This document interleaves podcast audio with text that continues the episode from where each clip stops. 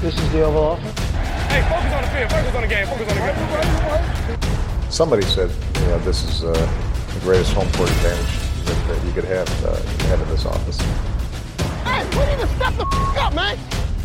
So that's the Oval Office. Velkommen ind for i det ovale kontor. Vi er op til her søndag den 25. april kl. er lidt over 12 om eftermiddagen. Jeg hedder Mathias Sørensen, og med mig over en virtuel forbindelse har jeg Anders Kaltoft. Hej Anders. Hej Mathias. Og Thijs Jurang er også med mig. Hej Thijs. Goddag, goddag. Og sidst men ikke mindst, Max Skafte Våbengård. Hej Mark. Jamen, god formiddag, Mathias. Vi er tilbage i det sædvanlige setup her, og det er fordi, vi skal kigge på draften. Vi skal lave vores store draft-optag. Det er det, det her program kommer til at handle om. Så øh, vi skal vende en masse ting, og vi starter også lige med sådan en indledende øh, halvfilosofisk draft-diskussion, inden jeg så har bedt mine øh, medværter om at komme med øh, nogle bud på nogle forskellige øh, spørgsmål og kategorier, jeg har stillet dem, øh, eller givet til dem. Og så har vi jo faktisk også en speciel gæst med, fordi det var sådan, at jeg lørdag, det var så i går, i forhold til, når vi optager her, tog en snak med Søren Hygum Hansen. Han, øh, der er måske nogen, der kan huske hans navn, eller genkende hans navn, fordi han stod bag Draft.dk, der indtil for et par år siden leverede danske nyheder til, øh, til NFL-fans. Øh, det gør han så ikke mere, men øh, Søren han er stadigvæk øh, rigtig godt connected til øh, en masse af de kilder, han havde for dengang øh, for draft-dagen, og øh, følger også stadig rigtig meget med. Og her så er han først og fremmest også 49ers-fan, og det, øh, så det er jo det, jeg sådan primært tog en snak med Søren om, fordi øh, ja, 49ers er jo, har været et helt stort samtaleemne, så, der, så det skal vi jo lige vende lidt. Så af samme grund kommer min medværter heller ikke til at snakke så meget om det, fordi det har jeg bedt dem om at lade være med. Um, og så har vi også lige et enkelt punkt på nyhedsrunden. Det var sådan, der lige var en halv stor trade her for et par dage siden, vi lige skal vende. Men inden vi går i gang, skal jeg lige sige, at vi er bragt i samarbejde med alle dem, der støtter os inde på tier.dk. Det kan du også gøre, hvis du ikke allerede gør det. Gå ind på 10er.dk e og find det ovale kontor. Så kan du altså støtte os med et valgfrit beløb for hvert program, vi laver. Og det er altså med til at gøre, at vi kan lave de her udsendelser og give jer en masse god øh, NFL-indhold, både her øh, på det, det ovale kontor og Guld generelt. Vi lever jo sådan set af af de støtter, vi, vi kan få blandt andet fra jer. Så øh, tusind tak til jer, der allerede gør det. Og som sagt, hvis du ikke gør det, så find os. Og øh, ja, hvis du har bare et par mønter til års i lommen hver uge, så, så kast den gerne vores vej. Det tager vi meget gerne imod. Og så skal jeg faktisk også lige komme med lidt reklame, fordi det er jo sådan, at vi ligesom sidste år kommer til at sidde og snakke og sludre om øh, det, der sker i første runde af draften, i hvert fald som udgangspunkt, ind på Gul Facebook-side. Vi kommer til at sidde og streame live derinde mig, og alle mine medværter her i det ovale kontor, plus en håndfuld af vores kolleger på Gult Lyd. Øh, det var rigtig hyggeligt og rigtig sjovt sidste år, så hvis du har tænkt dig at se draften, og kunne tænke dig at have noget dansk kom- øh, kommentator og, og hyggesnak kørende ved siden af, så, så find os derinde. Og øh, hvis du ikke har tænkt dig at se draften, så synes jeg, at du skal genoverveje det, fordi det er jo sådan set hele dag fredag. Det er stor bededag, så du skal formentlig ikke på arbejde. Så der er jo, og du har formentlig ikke planer natten til fredag.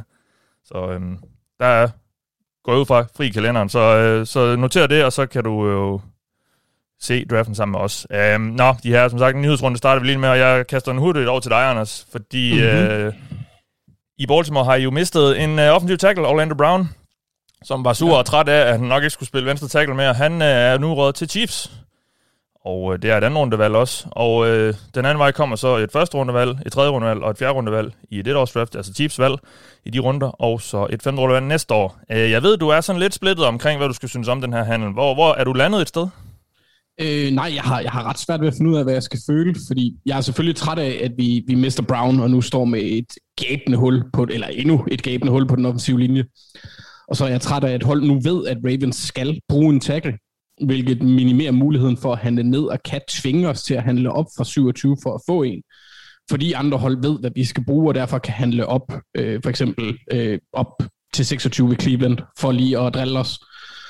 Øhm, så i den situation, hvor vi får en tackle ved 27, der kan spille på højre side, og samtidig handler ned for at få et ekstra anden rundevalg, måske et tredje rundevalg eller et fjerde rundevalg, der er faktisk stadigvæk lidt irriteret. Fordi så har vi basalt set fået et højere anden rundevalg, plus et tredje fjerde rundevalg, og nogle kompensationsvalg, som Thijs han så, så fint kalder det, de valg, vi har fået fra Chiefs, fordi de ligger så sent i de runder for Brown og et andet rundevalg, og det, det synes jeg bare, altså, det er lidt, lidt tyndt for en virkelig dygtig tackle, som passer som fod i hose hos Ravens. Ja. Men hvis jeg skal se positivt på det, så er det trods alt bedre end det mulige kompensationsvalg, som vi ville have fået ved at holde på ham, og så lade ham gå næste år, for han vil jo væk. Ja, det lyder det til. Øh, ja, så i det perspektiv, der er det jo en rigtig god handel. Der får vi rigtig meget for det. det kan også godt være, at Brown slet ikke er lige så godt et fit hos Chiefs, der kaster bolden væsentligt mere, end, end Ravens gør. Men, men jeg tvivler stadigvæk på, at han ikke er bedre end Fisher. Men igen, det hele det afhænger jo af floskler and all, hvad Erik da Costa han gør med, med de valg her. Fordi lige nu sidder jeg med en rigtig dårlig smag i munden, fordi jeg synes ikke, vi har fået nok. Vi har endnu et hul på linjen, og vi har gjort en rival bedre. Altså, det kan, det kan bare ændre sig, hvis, øh, hvis han tager, de, tager nogle gode valg. Og tackle-klassen, den er jo god i år, så mm. der kan stadigvæk ske positive ting. Så jeg sidder lidt med, øh, med den ene fod i en toiletspand, og den anden i et øh, fodbad. Ja. Ja, og som det er med så mange af sådan nogle trades her, så er det jo først, som, in, som involverer et draftvalg i hvert fald, så er det jo først om et par år, vi nok kan se, hvem der ligesom, om man så må sige, har vundet dem, øh, de mm. her trades, fordi det, det kræver, altså det, det, det, så, så handler det jo virkelig meget om, hvad man så ender med at tage med de valg her. Øh, og nu har jeg i hvert fald fået et par stykker med af dem. Øh, og øh, Chiefs har jo fået genopbygget den her linje, Thijs. Øh, det, det er det, det skulle de jo virkelig også, fordi nærmest alle deres uh, sædvanlige starter var jo væk. Uh, jeg synes da, at det ser meget fornuftigt ud efterhånden i, i Kansas, gør det ikke det? Jo, altså det, det er klart, at det, de, efter Super Bowl, så er det vist ret tydeligt, de satte sig ned på øh, deres, sådan, deres første strategimøde for offseason og, sagt, og sagde, vi skal fikse den her offensive linje, eller den skal i hvert fald blive bedre. Øh, og det har de jo så øh, lavet mange drastiske moves, og man kan sige, man, de havde nødvendigvis ikke behøvet at fyre både Eric Fisher og Mitchell Swart. De kunne godt have sat på, at, at nogen, en af de to var tilbage til næste sæson og været skadesfri, men de har så valgt at rydde, rydde ud i, i stor stil.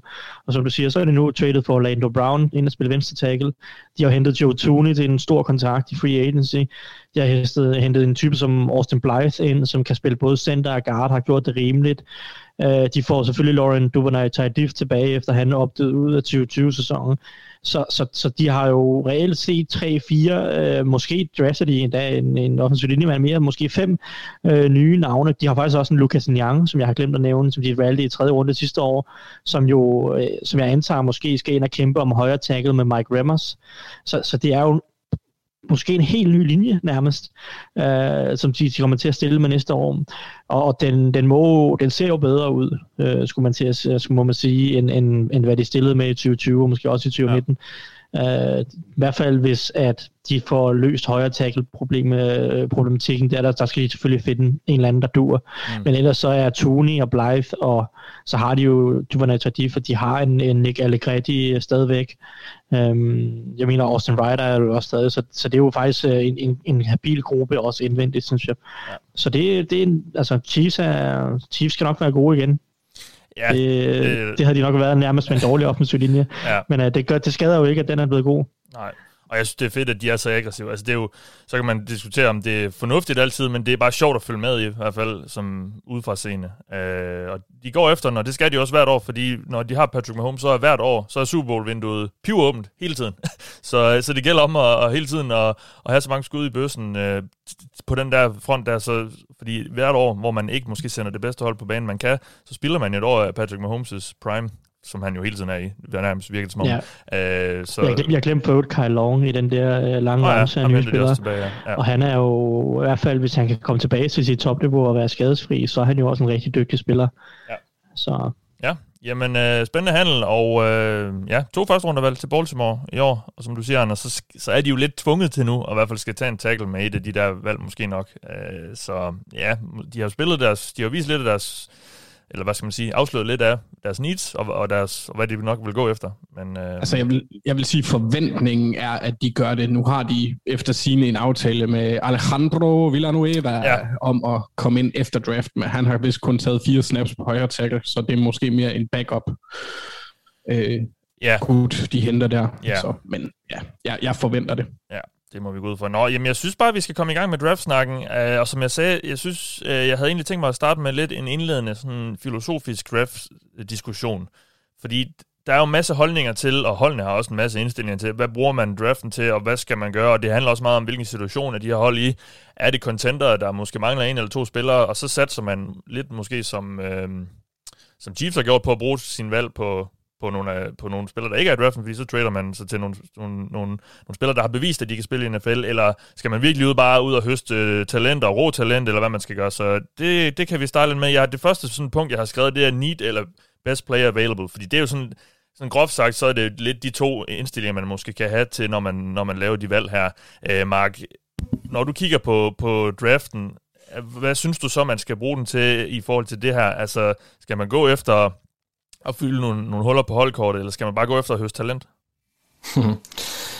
Åh, oh, ja. den er svær at være sådan, øh, være sådan meget... Øh, altså det bliver, jeg vil prøve at være en lille smule generelt her. Jeg skal nok også prøve at vælge en af dem, fordi det vil man nok det er nok mest interessant ja. at høre på, kunne jeg forestille mig. Øh, men jeg, jeg vil jo sige, grundlæggende, så synes jeg, at man bygger fundamentet til sit hold igennem draften. Det er der, man ligger et ungt, øh, solidt fundament forhåbentlig. Det er der, man får nogle billige kontrakter ind. Det er der, man kan lægge nogle sten, som gør, at man kan i free agency forhåbentlig lave noget plug and play. Øh, og det, det gør jo så nok, at jeg nok generelt vil læne mod øh, best player available, mm, specielt når vi kommer ud af top 10. Øh, men, men der kan jo være tilfælde, hvor at, altså, at positionsværdien kommer til at spille ind, og det er jo altid det forbehold, jeg vil have. Det er jo det, er jo, det, er jo det jeg synes, der er interessant, og som spiller ind i den her best player available snak også, det er, øh, jeg synes også, man skal kigge på, hvad der er ledigt, og hvilken position de har, og så må man jo så igen kigge på den draftovergang, og så også sige, hvor dyb er en klasse, og så videre. Mm. Så der er nogle forbehold, man bliver nødt til at gå ind og tage her. Jeg synes, Dolphins i år, det de gjorde, det kunne jeg rigtig godt lide, øh, fordi de lå i et område, hvor at, øh, der kunne være rift, eller der er rift om øh, quarterbacks i år. Øh, de skulle ikke have en quarterback. En super, så kan man handle tilbage og øh, få et nyt første rundevalg, få samlet nogle picks sammen, og så stadigvæk ligge i en position, nu tradede de godt nok tilbage, og så synes jeg også var fint, men ligge i en position, hvor de kan vælge nogenlunde frit. Men hvis man skulle gå 100% ind på best player available, øh, jamen så, så, så, skulle de jo nok, så kunne de jo være blevet, og så kunne de have frit valg mellem Carl Pitts og Chase og øh, Penny Sewell mm. og ja, en quarterback også, hvis de havde lyst. Øh, så det er jo klart, det giver man jo selvfølgelig lidt op på øh, her, og det er også det, jeg mener, jeg synes, der er lidt modifikationer. Altså, men det er svært at være sådan 100% generelt. Øh, men, men hvis du tvinger mig, og jeg fik en pistol for panden, og så vil jeg nok tage best player available. Øh, det er måske også lidt den der college approach, ikke? hvor man, man, man hiver råt talent ind, øh, og så finder man ud af, hvad man skal med dem. Øh, der vil jeg jo så foreslå, at NFL-hold på forhånd ved, hvad de skal med de spillere, de vælger, men, men det kan aldrig være en skade at få øh, et stort talent ind på et hold.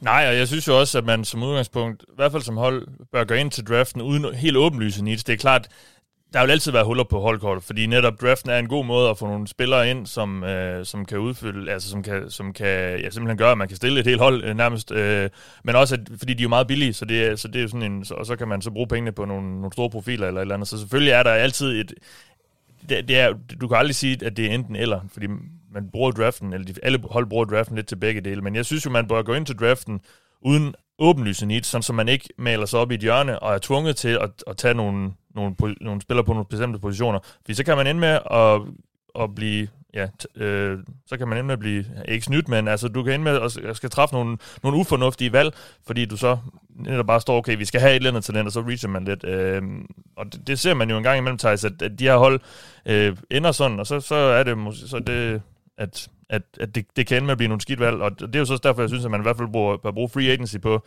at dække sig ind sådan nogenlunde. Jamen, jeg er helt enig. Altså, de bedste hold, det er dem, som, som i free agency i hvert fald, eller måske i, altså, i anden eller tredje bølge af free agency, netop går ud og henter nogle af de her øh, øh, spillere, som hvor man kan sige, hvis nu vi nu ikke får den her linebacker, eller den her cornerback, eller et eller andet, som vi mangler, øh, den her unge cornerback i draften, øh, så har vi stadig en mand, som vi tror på, at øh, ham kan vi starte i, i, i nødstilfælde, skulle jeg til at sige, eller han kan i hvert fald godt øh, spille en, en betydelig rolle for holdet, uden at det brænder helt sammen, ikke? Øhm, og og det, det er de bedste hold, som du siger. Hvis de går ind til draften med, med kun altså sådan soft needs i en eller anden grad, ikke? Mm. Øh, det, det, det er dem, som er, er bedst stillet. Det er der ikke nogen tvivl om. Øhm, man kan sige, så er der selvfølgelig også hold, som er i gang med et rebuild, og så mangler de på så mange positioner, at de nærmest altid vil kunne vælge frit mellem fem pladser, og så, øh, så er det selvfølgelig fint nok, hvis de har så mange huller, at, at de bare alligevel kan vælge, øh, hvis der er noget talentmasse. Men det er klart, som du siger, det er meget farligt øh, at, at male sig op i et hjørne. Mm øh, på en eller anden position, og man kan sige, de dårlige, de, de dårligste valg ender ofte sådan, at at så er der et, et run på, på cornerback, og man har brug for en cornerback, og så siger man, okay, hmm, de, de fire bedste cornerbacks er væk. vi skal have en cornerback, så tager vi nummer 5, selvom det måske reelt set er, er for tidligt. Mm. Og så ender man med at, at, at vælge en meget risikabel spiller i første runde. Um, og det er jo, ja, det, det er det, og det er også derfor, at man ofte, det, øh, det er også derfor, man også siger det der med at trade up er, er farligt i draften på en eller anden måde, øh, fordi du investerer så meget i en position, og der er så mange usikkerheder alligevel, øh, så med mindre at den her spiller er, er klart bedre end alt andet på positionen, øh, så, så er det jo ofte farligt. Eller en quarterback. Um, ja, eller en quarterback. Man må gerne ja. trade over til en quarterback, det må ja. man gerne. Men de andre positioner, for eksempel skal man lade være med at trade op i top 10 og tage en linebacker, øh, ud af Michigan, for eksempel, ja. selvom han er en god spiller. Øh, ja, okay. Øh, når man, øh, men, men ændrer det sig egentlig... Fra, så i hvert fald draft-teoretisk. Ja, ændrer det sig egentlig fra runde til runde, fordi i første runde er der jo større chance for at få en, der kan, der kan starte nu og her, som kan udfylde et need. Altså, så altså, bør man lidt... Altså, det, det kan, man kan jo godt sige, okay, så bruger vi første rundevalget på en spiller, som skal ind og, og, og levere noget nu og her, og så i de andre runder, så, så, så kigger vi mere på, på råt talent. Ja, ja. Jamen, det er der. Altså, det er klart, man skal så vurdere sit hold. Altså, der er jo der er nogle positioner, der giver mening at drafte højt, øh, og man kan sige, hvis, hvis du nu altså hvis du har, hvis du har en ligaens bedste offensiv linje, så er det klart, så det giver det ikke mening nødvendigvis at, at tage en, en tackle i første runde. Altså, så, så, men det kan sagtens give mening at tage en i fjerde runde. Så det er klart, det ændrer sig undervejs i draften. Altså, I toppen af draften, der, som Max siger, man hælder mod best player available, men det skal jo give mening i forhold til den position, du har. Altså, der er jo ikke nogen grund til, hvis du har to fantastiske pass rusher, og drafte en edge i første runde, bare fordi han er højt på dit board. Mm. Altså, så, så skal det være fordi, at der er nogle af dem, der er ældre, ikke? Øh, så, så det skal jo give mening i, i den forstand, at, at den spiller, som kommer ind, han skal jo, som du siger, han skal jo gerne bidrage, han skal gerne have en mulighed for at bidrage, og, og han kan gerne have en mulighed for at forstærke dit hold. Ikke? Så det er jo klart, at det er jo, det, det er jo også mest du skal jo vælge den spiller, der giver mest værdi for dit hold. Ja. Og det er ikke nødvendigvis den bedste, vel? Det, det er måske ham, der giver det største niveauspring i forhold til, hvad du allerede har. Uh, så det handler jo, og det, det kan jo være meget forskelligt forhold til hold, men, men det handler jo om at finde den bedste værdi, og, og det, og det varierer jo med utrolig mange faktorer. Og det behøver ikke nødvendigvis at være ham, der har den bedste raw grade. Det er jo også det, som Mark siger med positionsværdien, uh, at, at, at en running back uh, giver ikke så meget værdi, som, som en, en cornerback gør. Uh, men det er klart, at, at der kan også komme nogle helt andre faktorer i spil mm. i, i forhold til positionerne, ja. i forhold til, i, altså, i, hvis man sammenligner med de spillere, man allerede har på, på den position. Ja. Uh, men, men altså ja, altså, når, du kommer ned, når du kommer ned i draften efter tredje runde, så, så vælger du bare den bedste spiller. Altså, så det, det er jo, hvis en fire, hvis en fire runde valg bliver en starter, så er det jo en bonus. Mm. Altså, så, så der skal du bare vælge den bedste, ham du tror mest på, og så øh, må, må, må man se, om det bliver sådan noget. Ja. Anders, når du sådan kigger, når, når du kigger tilbage på de sidste par år, Øh, og, og med sådan de her draft-strategiske briller på, hvilke hold springer sig ud som nogen, der har gjort det godt. Og det er fair nok, hvis du ikke lige har nogen på stående, fordi jeg er sådan set ikke forberedt på, at jeg skulle svare på det her. Men nu, det, nu tænker jeg bare at det kunne være sjovt måske at kigge lidt på, om der er nogle hold, der skiller sig ud, som nogen, der konsekvent år efter år har en rigtig, i vores øjne i hvert fald, tilgang til, hvad, hvordan man bruger draften. Altså, øh, nu, det kan godt være, nu, nu hvor du siger det, jeg er jo super farvet. Ja. Altså, jeg kan rigtig godt lide, hvad Ravens normalt gør. Det var også sådan i forhold til, hvad, hvad de har gjort over årtier nu.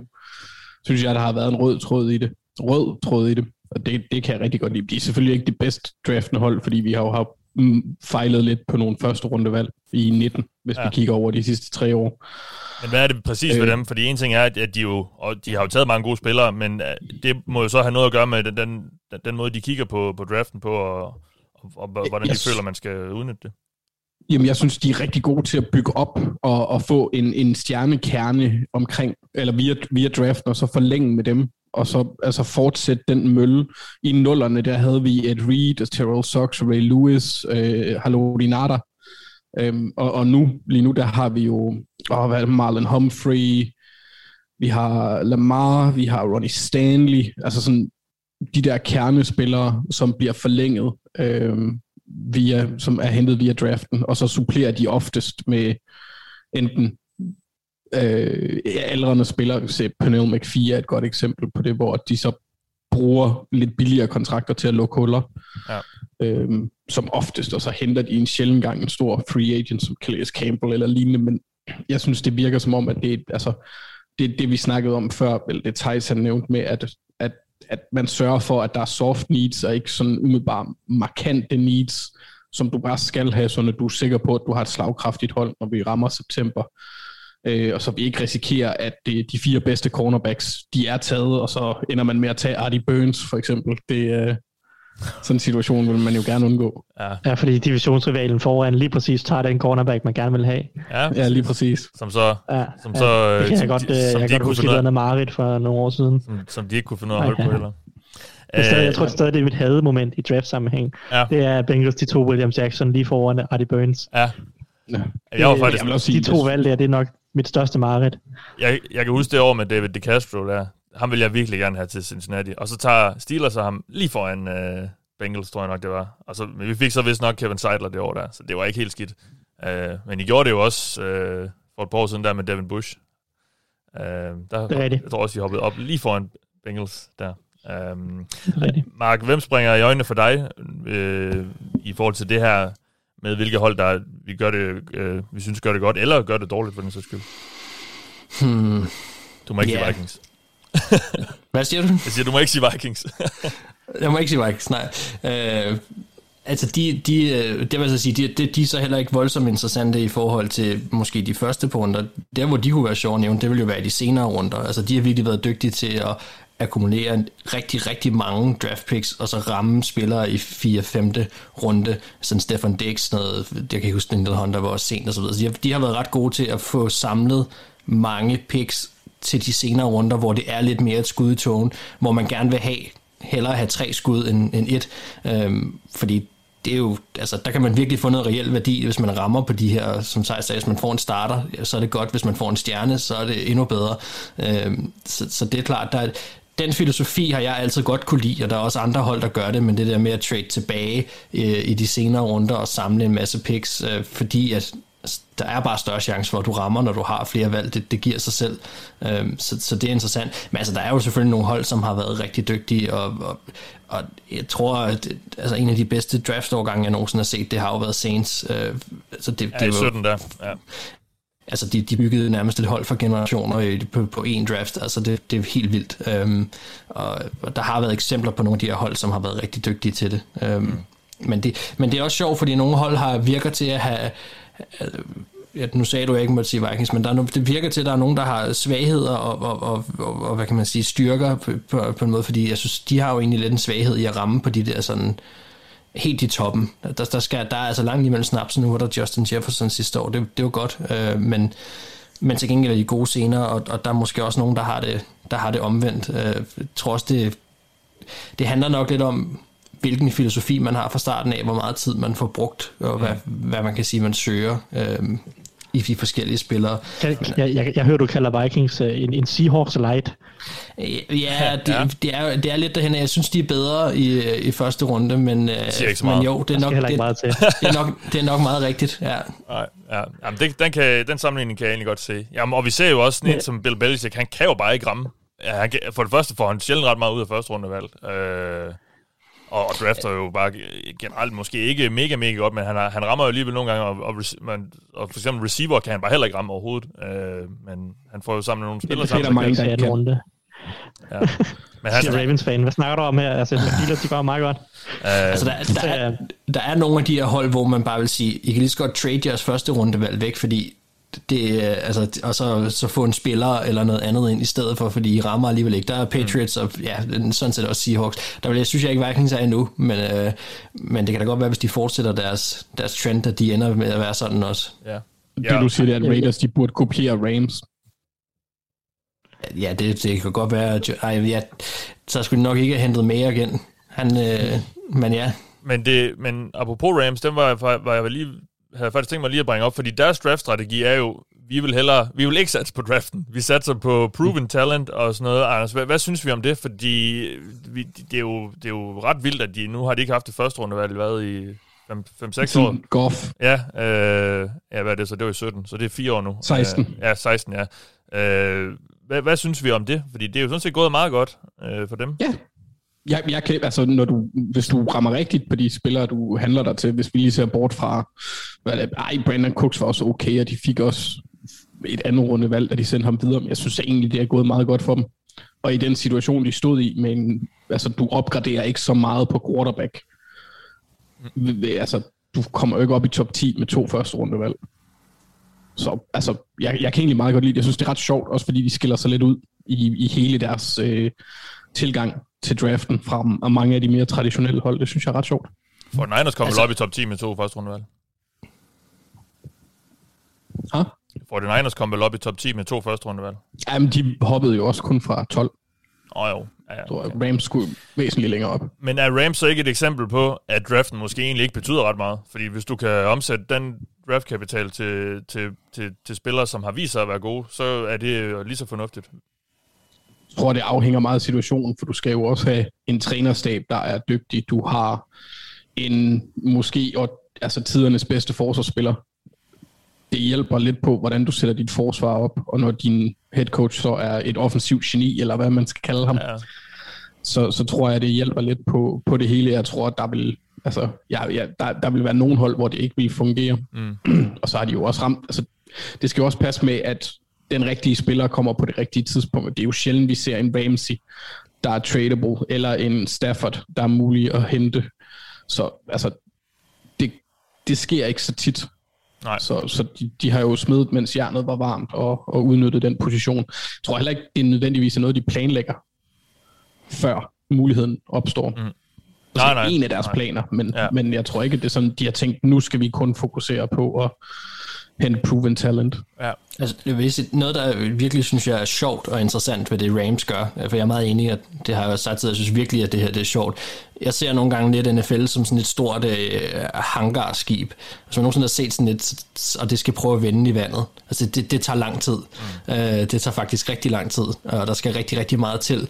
Øh, men det er måske lidt det, Rams er ved at gøre nu. Altså ved at, at prøve at, at lægge en stil, som er så markant anderledes, så kan det her være noget, som vi på sigt om nogle år, der skal gå nogle år, øh, der skal godt være, der skal gå mange også, men så har de måske bevist nogle ting, der gør, at der bliver lidt mere at man nytænker tingene lidt mere, og der vil, vi vil se flere hold måske gå i den her vej, øh, og det, det vil jo gøre draften interessant øh, fremover, også hvis flere hold øh, begynder at være på den her måde, fordi så vil der jo være, altså så vil der lige pludselig være flere hold måske, som har, har mange første rundevalg, og nogen, som, som slet ikke har, øh, ja. og, og hvilken vej udvikler ligaen sig så derfra?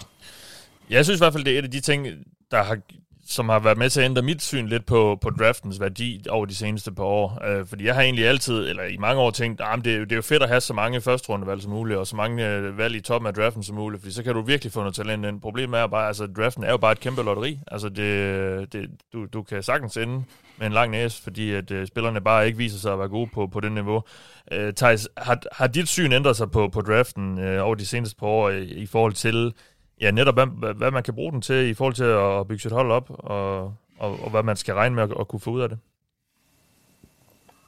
Ja, men det gør den vel nok altid. Jeg vil sige, der er jo, altså, i forhold til det med Rams, det er jo fint nok, det virker, men altså, du kan se, at Texans prøvede noget af det samme, ikke? og det er jo, øh, altså, så det kan også hurtigt gå galt, og ja. Texans er jo så i en forfærdelig situation nu, ikke? Så det, så det er, som Anders siger, at, at det kræver, at du er, er dygtig, har en dygtig trænerstab, og har lidt held øh, på en eller anden måde, også ikke? fordi man kan sige, Rams har jo sådan set stadig fået tilføjet nogle unge spillere i draften, som, som de har kunnet bruge til noget, og har fundet unge spillere rundt omkring, altså Rams sidste år er, er, er jo ikke noget, hvis de ikke har fået noget af John Johnson, som de tager i tredje runde, eller ikke finder uh, Darius, William, uh, Darius Williams som undrafted free agent og ja. så videre. Ikke? Jordan Fuller i 6. Um, runde, så det, eller hvad var det, det var? Hvad siger du? Jordan Fuller i 6. runde, eller hvad var det, det var? for eksempel er den anden safety. Uh, uh, så så det, det er jo en, en balancegang, og man skal være dygtig uh, til sit kram, ellers så går den strategi ikke, og så går det jo roligt galt. Ikke? Altså, det, er jo en, det er jo en satset strategi. Uh, det er der ikke nogen tvivl om. Ja. Så, men uh, jo, altså min tilgang til, eller min opfattelse af draften og værdi og strategi og alt muligt, den ændrer sig lidt hele tiden, tror jeg, uh, når man bliver klogere, og når man ser nogle forskellige ting virke, så, uh, men altså, jeg, jeg tror, jeg kan pinpointe præcis, hvordan, at, altså, hvordan min tilgang til det har, har ændret sig. Altså, ja. Jeg vil sige, at, at jeg, jeg er jo nok mere og mere sådan fan af at, at bare fokusere på, øh, altså på nogle af prime-positioner, er nok blevet endnu mere til, altså tilhænger af, at man drafter en cornerback og en, og en offensiv linjemand i de første tre runder nærmest hvert år. Altså, øh, især, især cornerback, altså der, der har jeg i hvert fald øh, som Steelers-fan øh, de sidste to, tre, fire år øh, ofte brokket mig over, at de ikke tager nogle flere cornerbacks i draften. Øh, men, men altså, Altså, men det er jo også meget forskelligt forhold til hold. Om, altså, man kan sige, Steelers er så dygtige til at drafte wide receiver, at de bør drafte en wide receiver hvert eneste år, fordi det bare giver sindssygt god værdi. Øh, af en eller anden grund, så kan de bare finde ud af at coach dem og, og, og finde dem. Så det giver jo sindssygt god værdi, hvis de bare altid har en receiver, som de enten kan, altså, som enten bliver en stjerne, eller som de kan trade, eller få et kompensationsværd ud af. Ikke? Det er lidt det samme med Anders og, og Ravens, og de har altid været gode til at finde nogle af de her edges, som indløser et tredje, fjerde, kompensation, tredje, fjerde runde kompensationsvalg. Så på den måde, for de hold, der er så gode til at udvikle og finde nogle positioner, øh, så bør de jo bare blive ved med at investere i dem, fordi det giver så god værdi. Mm. Øhm, ja. Så, men altså, jeg, jeg tror ikke, jeg kan pinpointe en speciel ting, som har ændret sig for mig øh, over de sidste fem år, andet end at jeg er blevet større og større modstander af at tage en running back på en eller anden måde. Ikke? Men, ja, det er blevet lidt, jeg synes også, det er blevet sådan, der, der er jo kommet nogle lidt klare holdninger til, hvad skal man bruge for eksempel første rundevalg på, og det skal man ikke bruge på en running back. Fordi det er blevet ret tydeligt, at du kan sagtens finde noget senere i draften, som kan, som kan give ja. dig masser. Som altså jeg synes i hvert fald, både personligt og sådan i NFL-sammenhæng, virker det til, at der er flere og flere hold, der får en bedre og bedre forståelse for positional value. Ja. Øh, på en eller anden måde. Øh, både altså i forhold til cornerbacks, og altså hvad der virkelig er noget værd, og, og så også i forhold til safeties og, og running backs, og, Ja. Og, og hvad hedder det, linebackers, som vi måske ikke ser draftet så højt, som vi i perioder gjort tidligere.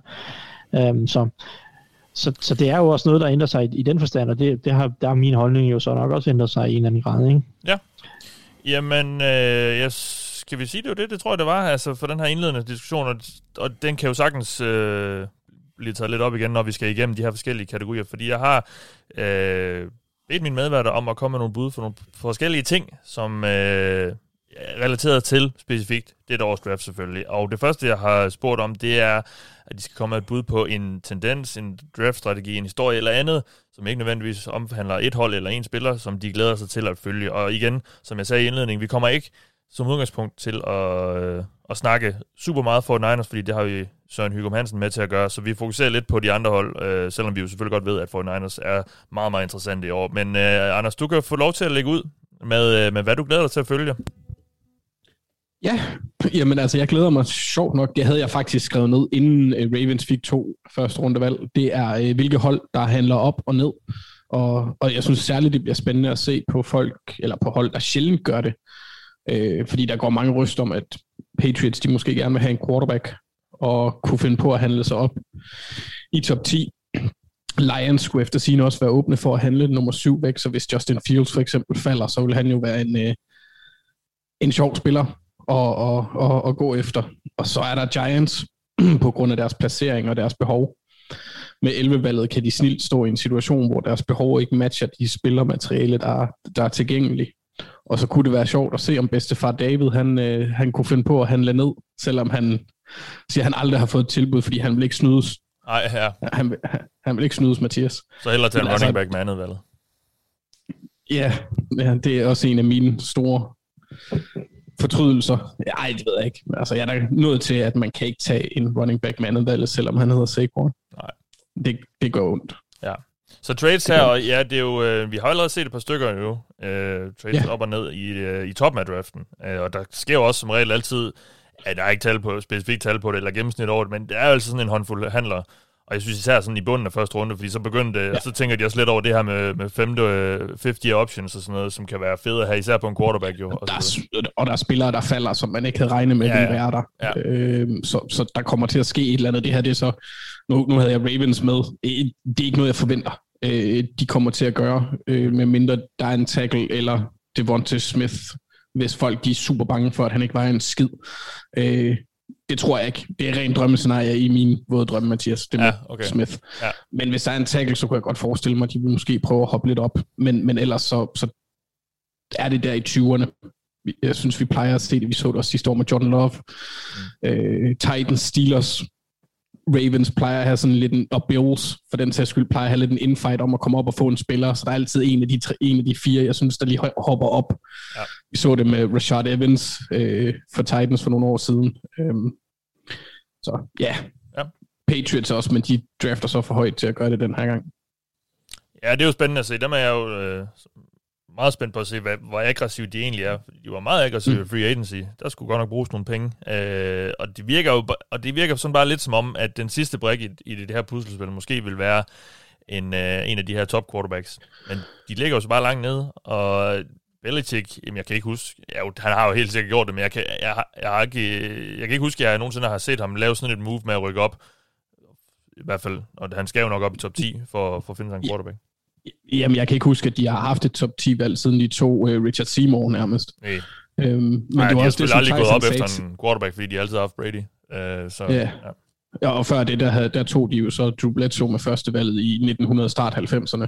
Ja, ja. Øhm, men, men jeg tænker også, som Tyson sagde før, det der med, at man bygger sit hold, så man ikke står og mangler noget. Patriots, de ligner lidt et hold, der mangler en quarterback.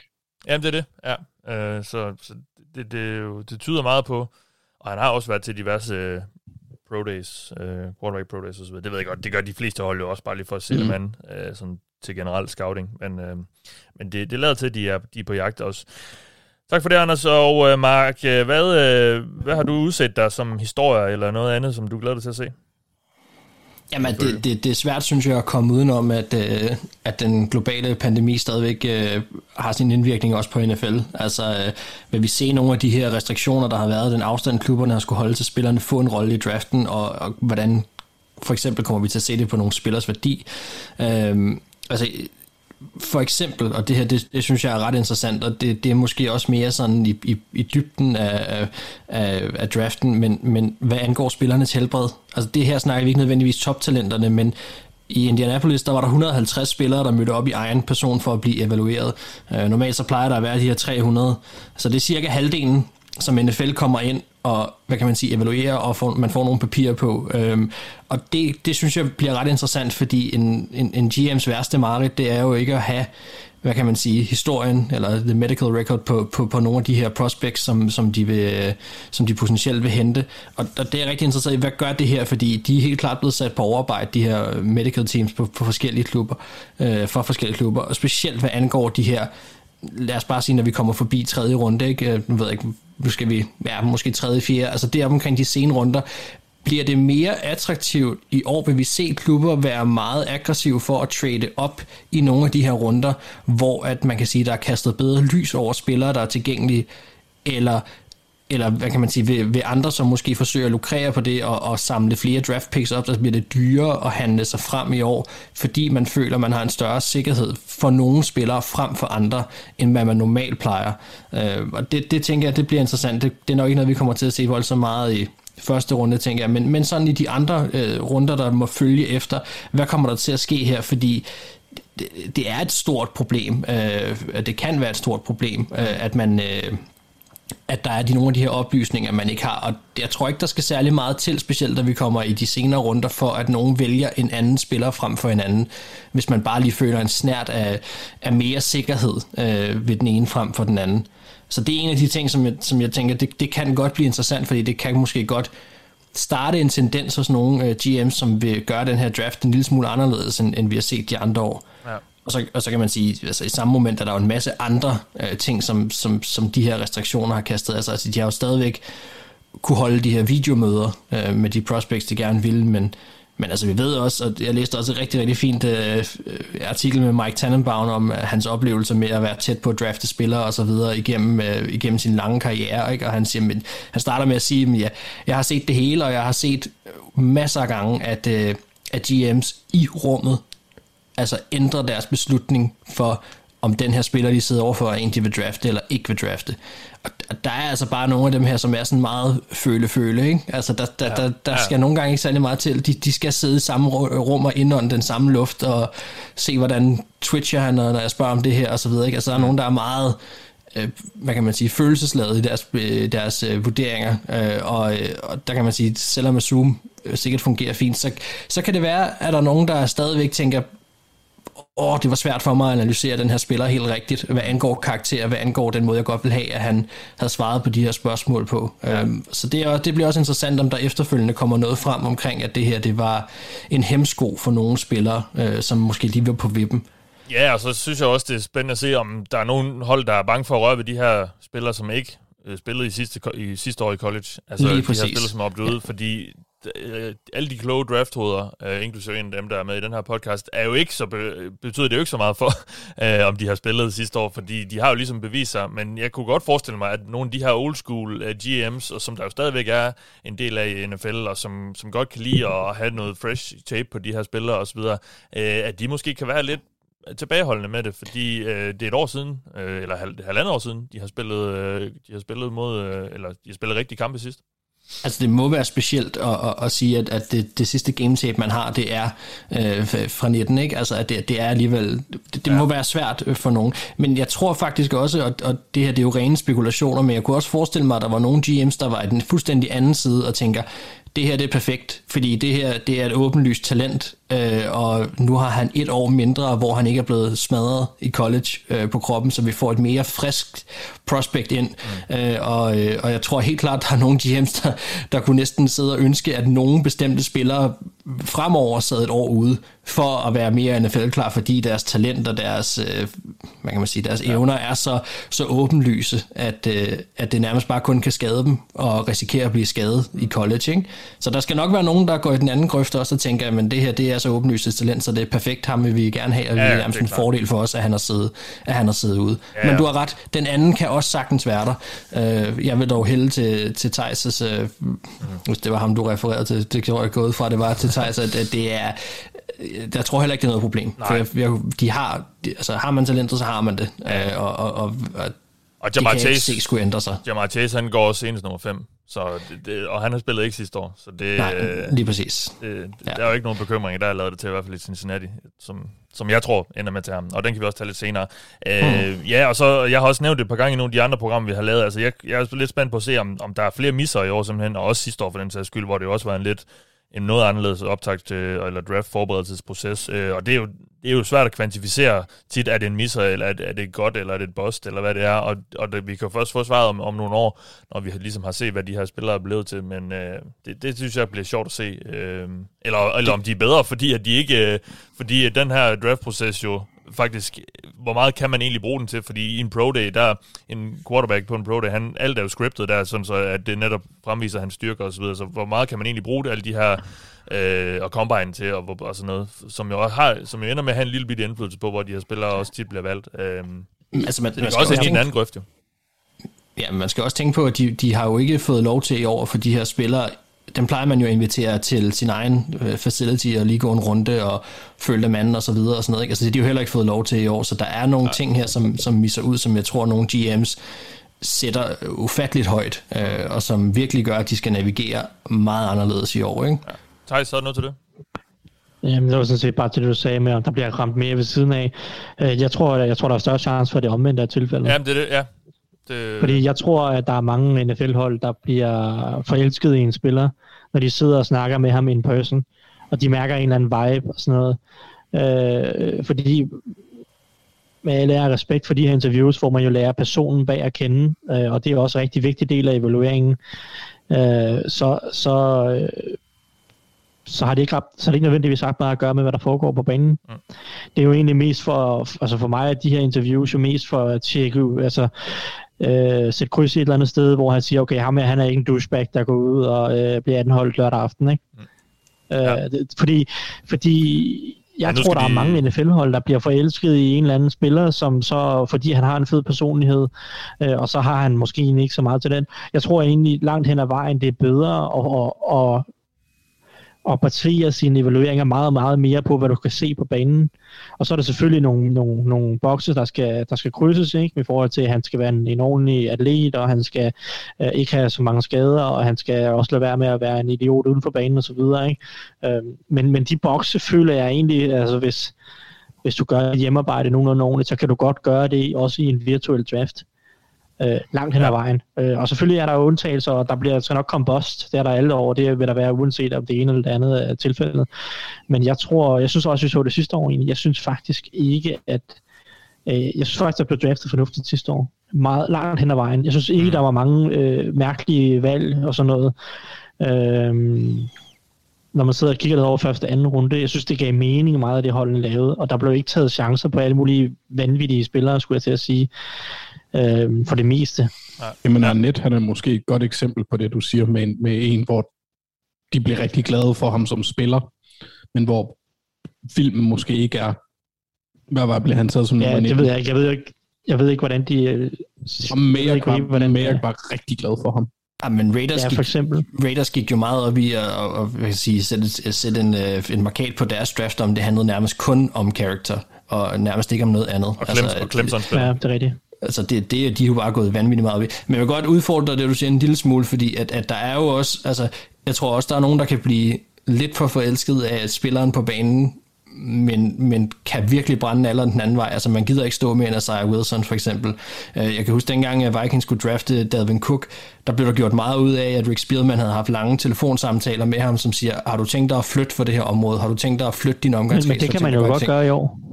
Ja, det ved jeg godt, men, men jeg siger bare, at den del er, er virkelig vigtig, synes jeg, at man har fokus på de her ting. Ja, Øhm, det, det siger jeg også. Det, det siger jeg også, og det siger jeg også, men det kan man også godt gøre gennem Zoom jo. Altså, man kan Det- sige, det- jeg, det- jeg, det- tror, det kan du jeg godt. tror, der er større chance for, at du bliver forelsket i, i personen bag, når du sidder sådan in person og mærker vibesene. Men du kan stadig godt lave alle de her background checks, og, og stadig, altså, det, det kan du stadig godt gøre rigtig meget over Zoom, synes jeg. Altså, jeg- jeg, jeg er heller ikke sikker på, at det er rigtigt, hvad jeg siger, men jeg synes bare, at jeg er i hvert fald tilbøjelig til at tro, at, at nogle gange så er det måske lidt bedre at distancere sig fra personen, og bare sætte kryds nogle steder, hvor jeg siger, okay, ham er han er ikke en idiot, og ja, han, han siger, de, siger de rigtige ting, i stedet for at, at sidde og mærke, om han kigger en nok i øjnene, når han svarer og sådan noget. Ikke? Der er jo også lavet masser af undersøgelser på, at jobinterviews er en ret flawed process i forhold til, når man skal ansætte folk. Ikke? For du sidder der i, i in person og, og kommer måske til at glemme lidt at sidde og kigge på kvalifikationerne nogle gange, øh, fordi nogle personer er bare gode i interviews, og andre personer er bare ikke gode interviews, og det har bare ikke nødvendigvis noget med det job, du skal udføre at gøre. Øh, så det er sådan, og, og, og man kan sige, de har jo stadig interviews, fordi over Zoom, ikke? Men, men, altså, Ja. så, men der er bare alle mulige forskellige faktorer, der spiller ind. Kort Jeg vil lige sige, at, det, er, det er jeg sådan set enig i, øh, og- og jeg mener heller ikke, at de får noget bedre ud af at sidde i rummet med dem. Det synes jeg også er noget pjat. Så jeg tror sagtens, man kan gøre mange af de ting over Zoom. Det var fordi, jeg hørte dig sige, at man også godt kunne gå lidt for, eller du næsten hellere ville gå for meget den anden vej, og så bare sidde og tjekke af og sige, men han, han, ser, han gør de her ting på banen, og, øh, og det, det er perfekt. Ikke? Altså, der synes jeg, at, at der, der ser vi Man også... man skal Ja. ja. lave grundige undersøgelser af deres person, af deres college-tid, af deres opførsel, og der, der, der, det skal selvfølgelig undersøges i bund, og hvis man har nogle tvivl, øh, tvivlspunkter, så skal man gøre meget ud af at få svar på dem. Ikke? Men, men de ting sker jo heller ikke under de personlige interviews. Altså, den undersøgelse Meget er jo i gang sjældent, ikke? i løbet af ja. hele sæsonen. Så Det lyder, som om til, I, hvad- det lyder som om I er enige, dreng. Ja, jo, det, ja det, er, jo, det er vi nok. Altså, Der er mange nuancer af enighed. Ja, ja, ja. ja. Det var egentlig også bare en måde at sige på, at nu skal vi videre, Thijs. Til dit Ja, jamen, det ved jeg bidrag godt, det ved godt, du er den så her hård. kategori. Yes. Så øh, hvad, hvad glæder du til at se, Thijs? Ah, ja, ja, jamen, øhm, jamen, der er jo ikke nogen andre, der vil tage den historie, og så tænker jeg, så må jeg jo snakke lidt om quarterback-kabalen, fordi altså for mig er det bliver det det mest interessante. Øh, Vi ved, der går quarterback 1, 2 og 3, øh, men vi er selvfølgelig lidt usikkerhed ved, om hvem der går 3. Men for mig at se, er det mest interessant bare, hvem er QB4, hvem er QB5, og hvor lander de henne? Fordi altså, det, den her, hele den her draft-proces i år omkring quarterbacks har været super, super, super interessant, synes jeg. Med, med, med, med Justin Fields og Trevor Lawrence, som, som er, de, er de store navne, og så ved man, at Trey Lance var et stort talent, det vidste man også sidste sommer. Så kommer ham her, Zach Wilson fra BYU, øh, som spiller et, et, altså, som imponerer helt vildt øh, i, i et år, hvor der er corona, og deres hold spiller et, et kampprogram, som deres hold aldrig nogensinde burde spille imod. Øh, øh, fordi at, at de er så meget bedre end dem, de møder.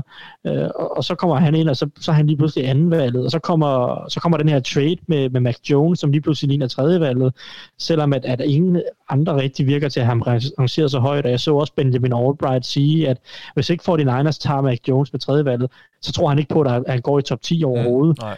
Øh, så man kan sige, altså, der er nogle sindssygt spændende øh, historier, og der har været meget snak om Justin Fields, og nogen kan lide ham, andre kan ikke lide ham. Han virker til at være meget polariserende øh, som, som talent, og, og, og Trey Lance er jo også et, et fuldstændig uhørt case, at, at, at manden, han har jo kastet bolden under 500 gange, siden han startede high school-karrieren, ikke? Altså, øh, det er jo en sindssygt lille sample size, men der er kæmpe stort talent alligevel. Altså, det, det er nogle meget unikke cases, vi har i den her quarterback-overgang. Og hvor falder de så henne? Fordi, okay, der går QB 1, 2, 3, men hvad gør Falcons med 4? Tager de en quarterback? Tager de ikke en quarterback? Tra- trader de ned? Hvem trader i så fald op? Øh, er det Broncos? Er det Patriots? Er det Raiders? Er det Washington? Er det, øh, hvad, hvem ved jeg, et, øh, et helt 8. hold, skulle jeg til at sige. Og, og så, det var så i forhold til QB4, fordi hvor langt kan QB4 falde, hvor langt kan QB5 falde, mm. går der fem quarterbacks i top 10, altså det, det er jo sådan, jeg synes, det er sindssygt usikkert, og sindssygt, jeg, jeg er helt vildt meget i tvivl om, hvordan det her QB-landskab ser ud. Øh, fordi det ændrer sig jo rigtig meget, afhængig af, hvem, hvem 49ers virker til at vælge. Og det er jo sjovt at se med Justin Fields, fordi alt tyder jo på, at han bliver QB5 nu, øh, hvilket jeg personligt ikke kan forstå, men hvor langt kan han så falde? Øh, fordi der er jo også nogle altså hold som Lions og Broncos og, og Giants og, og hvad ved jeg, de kunne jo godt trade ned. Øh, det kunne Dolphins for den sags skyld også med mm. 6. valget, hvis man, hvis man var oppe at have en quarterback. Så for, ja. altså, jeg har ingen idé om, hvordan den her QB-kabale kommer til at udspille sig øh, på draft day, og jeg glæder mig helt vildt meget til at se det, også bare sådan narrativerne omkring det, når det, når det, sådan, når det udspænder sig øh, med, at øh, så er der en eller anden, der falder, og så er der en eller anden, der er et stil, og så er der en eller anden, der er et reach, og så er der en eller anden, der er mærkeligt. Øh, altså, de her fem quarterbacks, der skal falde på plads på nogle hold, som vi ikke rigtig ved, hvem er, øh, det, er, det, er, det er meget, meget interessant, synes jeg. Ja. Fordi vi, vi har fem quarterbacks, og vi har ikke fem hold, som vi siger, okay, det er dem her, der vælger det. Vi har tre hold, som vi ved vælger quarterbacks, og så derefter, så er det et stort spørgsmålstegn. Ja. Øhm, så det er, det er meget interessant at se, hvem der virkelig er villige til at investere i det her. Øh, det, det, fordi jeg synes i hvert fald, at den der overgang i 2000 og, øh, 2018, hvor der også var mange quarterbacks, der synes jeg godt, man kunne sidde og pege på mange af holdene, i hvert fald i toppen, og sige, okay, uh, Cleveland tager en quarterback, og vi vidste godt, at Buffalo var ja. interesseret i en quarterback, Arizona og, også, og så videre, ikke? Ja. Hvad siger du? Arizona også. Så vidt jeg ja, husker, Arizona vidste vi også godt, ja. med trade up, ikke? Uh, uh, så, så, så vi sad jo der og vidste godt lidt, hvem holdene var. Mm. Uh, I år ved jeg ikke, hvem holdene er, der ender med at tage QB4 og QB5. Ja. Uh, det, det, det, der er selvfølgelig mange muligheder, men Hvem det ender med at blive, det ved jeg virkelig ikke. Øh, så jeg synes, det, jeg, synes, den her, jeg synes, det er meget, meget interessant, og det er også meget interessant, synes jeg, for øh, som lærer på lang sigt i forhold til sådan en draftproces omkring, hvordan alt, sådan et helt forløb udvikler sig, og rygterne, mm. og rygterne og historierne ændrer sig over tid. Ja, jamen øh, lad os zoome lidt ind på nogle hold, vi glæder os til at følge, og jeg har sagt til mine medværter, at ligesom, de helst ikke skal snakke om deres egen hold, fordi det er jo klart, at dem glæder de til at se, hvad gør. Vi tager en runde til sidst, hvor vi lige, øh, hvor vi lige kan vende det. Men øh, et, et par hold, øh, eller vi kan starte med et i hvert fald, Anders. Du glæder dig til at se, hvad gør? Jamen Dolphins, jeg glæder mig rigtig meget til at se, hvad Dolphins de gør af, af flere årsager. Øh, fordi med 6. valget, der er de jo placeret til at gøre to ting. De kan tage den bedste offensive spiller på brættet, eller på deres bræt, og, og det bliver en af fem blue chips, Pitts, Waddle, Smith, Chase, hvis Bengals ikke tager ham og Sewell, hvis Bengals ikke tager ham. Og så kan de også handle ned, hvis der for eksempel er et quarterback-hungrende hold, der gerne vil have en fjerde eller femte quarterback, som Tyson nævnte. Mm. Og jeg synes egentlig, at begge deres valg er fordelagtigt placeret. De vælger også som nummer 18. og det er i forhold til, hvor jeg tror, at der kan komme runs på forskellige spillere. Så quarterback ved 6. valget kunne være en ting. Så er der edge og offensive tackle ved 18. valget, så, så delfinerne bliver spændende at følge på alle aspekter. Fordi de kan, de kan både blive, de kan handle ned, de kan handle op, og hvis de handler ned efter 18, så har de stadig nok valg til at handle op igen i første runde, fordi de har to valg i anden runde, efter Texans jo sendte deres anden runde valg i tonsil traden stadigvæk. Så, så Dolphins, de er på det punkt, som Will Ferrell og John C. Reilly er på i Step Brothers, da de finder ud af, hvor meget de har til fælles der er mulighed for so many activities. Ja, ja. Jamen, øh, åh, den elsker jeg, den reference. Uh, dejlig film. Uh, ja, den er hyggelig. Jamen, de, jeg ser dem også som at være meget fleksibel, fordi igen, de, de virker til at være godt tilpas med Tua, og med god grund, synes jeg egentlig også, fordi ja, selvfølgelig skal han have nogle flere chancer for at vise sig frem. Så, og, men omvendt har de også bare et hold, hvor man du kan, de kunne tage hvem som helst, og så kan du smide dem ind, fordi der er ikke rigtig... det, det er jo egentlig... Altså, det er jo, det er, jeg synes, det er jo så vildt, at de vandt så mange kampe sidste år med, med det hold her, som jo bare stadigvæk ikke ser ud af særlig meget, men det siger så også noget om det, det job, som, eller det arbejde, som, som trænerstaben har gjort. Øh, så ja, de er jo meget udforudsigelige, så øh, super spændende at se, at se dem. hvad de, hvad de ja. gør. Ja. Øh, men de har alligevel vist lidt af deres, af deres øh, hvad skal man sige, øh, vise lidt af de kort, de har på hånden, fordi de vil jo gerne op igen for det der 12. valg. Det, det, mm-hmm. altså, og de vil, jo, så de vil jo gerne blive deroppe, og det, det siger jo lidt, at de gerne vil have en af de her ja, blue chips. Øh, Ja, og det, det, som vi også har nævnt i tidligere øh, episoder, så synes jeg, det virker rigtig fornuftigt. Spørgsmålet er så, om de kan modtage et tilbud, der er så lækkert, at de ikke kan ja. sige nej. Det kan jo også godt ske. Jeg tror, hvis 49ers tager Mac Jones, så tror jeg, at, at øh, selvfølgelig vil Atlanta blive key med noget. Det tror jeg egentlig også måske Bengals vil, øh, og Dolphins. Altså, Fordi så vil de valge der ligge, øh, øh, og måske især Bengals, fordi de netop, dem ved, dem ved alle andre hold i ligaen, at de tager ikke en quarterback. Så, så der kan man komme op foran nogle andre der. Øh, jeg hælder jo egentlig til at Atlanta tager en quarterback, fordi jeg, ellers tror jeg, de vil have traders ud allerede. Fordi der har jo gået flyden om, at de, de har fået nogle opkald. Men den kan vi også øh, snakke lidt mere om, om lidt. Øh, fordi Mark, øh, hvilke hold øh, glæder du dig til at følge? Jamen lad os da bare starte med, med Atlanta. Ja. Øh, altså, og det er jo, kan man sige, generelt, når man vælger top 5, så er der sådan et specielt ansvar eller et pres, der hviler på, på GM. Altså det er de her picks, som vi husker i fremtiden, både for det gode og det dårlige. Det er dem, som helt unfair sikkert vil blive holdt op imod, at man draftede Mahomes midt i en første runde. Og så, videre. altså dem, du gik glip af øh, på sigt. Ikke? Så, øh, så det er altid interessant. Øh, man kan sige, i år, der har de jo altså, næsten frit valg, specielt fordi draften er så QB-tung, som den er. Øh, og derfor er det nok også blevet meget populært at sige, at draften starter med Falcons, og det, det er jo nok et eller andet sted også rigtigt, så længe de holder øh, det her fjerde valg. Der var så mange ting, synes jeg, ved det her, da jeg begyndte at sidde og forberede mig på det, som, som gjorde, at jeg var nødt til at sætte det her schema, og derfor har jeg sat det op i sådan tre scenarier, øh, og, og I byder bare ind, fordi jeg har lavet de positive og negative ud for de scenarier, jeg tænker, de, der er. Ikke? Og scenarie 1, det er, at de bliver ved fire, og vælger en quarterback, som, som du lige snakkede om. Øh, og, og det er også for mig en reel chance, at Falcons de, de tager en quarterback, specielt hvis 49ers ender med at tage Mac Jones.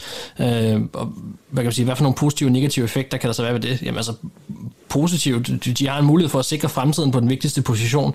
Altså, det, det er jo egentlig ret kort, øh, så, så det er jo det bedste, der kunne ske, hvis det er. Altså negativt, så tror jeg, at de gennemgår en eller anden proces omkring, og det skal Falcons fans måske også forberede sig på, at det bliver lidt en gentagelse af, hvad Packers fans oplevede sidste år. Det er klart, der er meget mere værdi i det her valg, end, end der, hvor Packers valgte.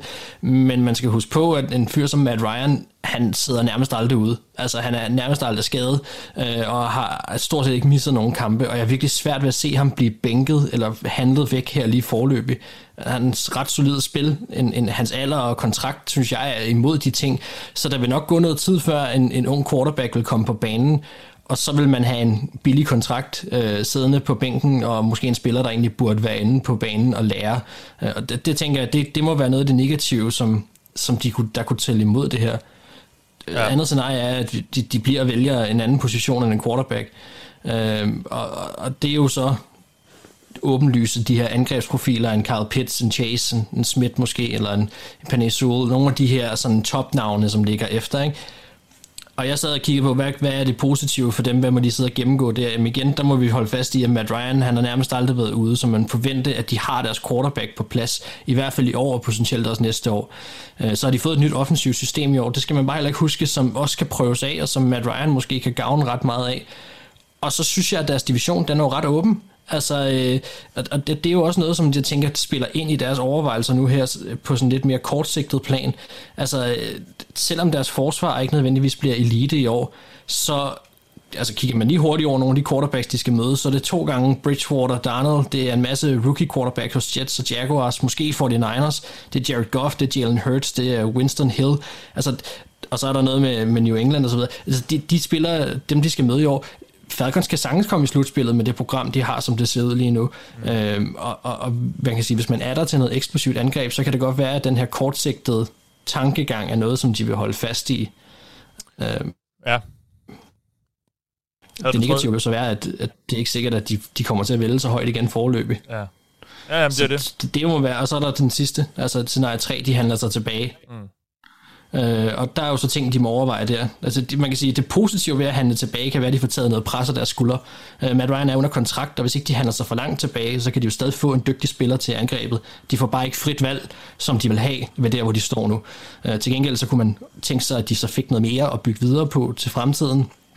Og man kan sige, hvis de handler sig meget langt tilbage, så er det måske ikke angrebet, men så er det noget secondary, øh, hvor de også sagtens skal bruge hjælp, fordi den dræbte dem sidste år. Så Falcons er jo i en position, hvor de sagtens skal bruge hjælp på mange forskellige områder. Øh, så det der med at handle tilbage, der, der synes jeg, der er klart nogle positive ting i det, hvis tilbuddet er rigtigt. Mm. Ja. Øhm, Og det negative er selvfølgelig, at de ikke har frit valg. Altså, det, det, nu når jeg siger frit valg, så ved vi godt, at der er nogle quarterbacks, der vil være væk inden. Øh, men jeg tænker frit valg på, på resten, altså dem, som er de store talenter, for det skulle undre mig meget, hvis en... Øh, hvis nogle af de her non-QB's var væk øh, ved valg 4. Så, så lad os bare gå ud fra, at de har frit valg der, og det er klart, den, det er, jo en, det er jo også en gave i sig selv. Øh, så hvis de er meget sikre der, så, så skal de selvfølgelig ikke opgive det. Øh, men så snakker vi måske igen positionsværdi, og hvad for nogle tilbud er det, de kan få. Øh, og, og der, som du også lagde op til tidligere, men det lyder til, at de har fået nogle opkald, og det er jo interessant, øh, hvis ikke de rykker på det. Ja. Og man kan det også være, at de ikke øh, har gjort noget endnu for at presse prisen op. Holdene bliver mere og mere desperat, jo tættere på, de kommer. Ja, og, og, og jeg kan også sagtens forestille mig, at de måske har lavet nogle aftaler, og så siger, og så har de sagt til sig selv, hvis hvis Justin Fields er der nummer 4, eller hvis Trey Lance er der, jamen så, så bliver, eller en af de to er, jo der, er der jo, men, men hvis, ja. hvis de så har sagt, okay, hvis, hvis den ene af dem er der, som de kan lide, øh, så, så, så bliver vi, og så tager vi den quarterback, og hvis ikke vedkommende er der, så tager vi, det, så tager vi den trade, der, som, er, hvor, som kan være noget til enighed om på forhånd, men ja. som ikke er annonceret endnu. Og de ligger jo, det er virkelig interessant, fordi de, de har nærmest alle leverage. Altså de, de, øh, hvis de er hvis de er komfortable nok med at rykke lidt tilbage i draften, øh, så kan de jo virkelig øh, kræve mm. banken stort ud. Altså, det kan de gøre, altså, og, og, og de kan også gå i sidste ende tak nej, øh, og sagtens bare vælge Carl Pitts for eksempel, øh, og være ganske tilfreds med det, synes jeg. Jeg synes ikke, det er en katastrofe, hvis Falcons ikke trader sig tilbage, eller hvis ikke de vælger en quarterback der. Jeg synes sagtens, de kan tillade sig at vælge en af de her store playmaker, øh, hvis de virkelig føler sig komfortable med det, eller hvis de ikke synes, tilbuddet, der kommer, er, er godt nok.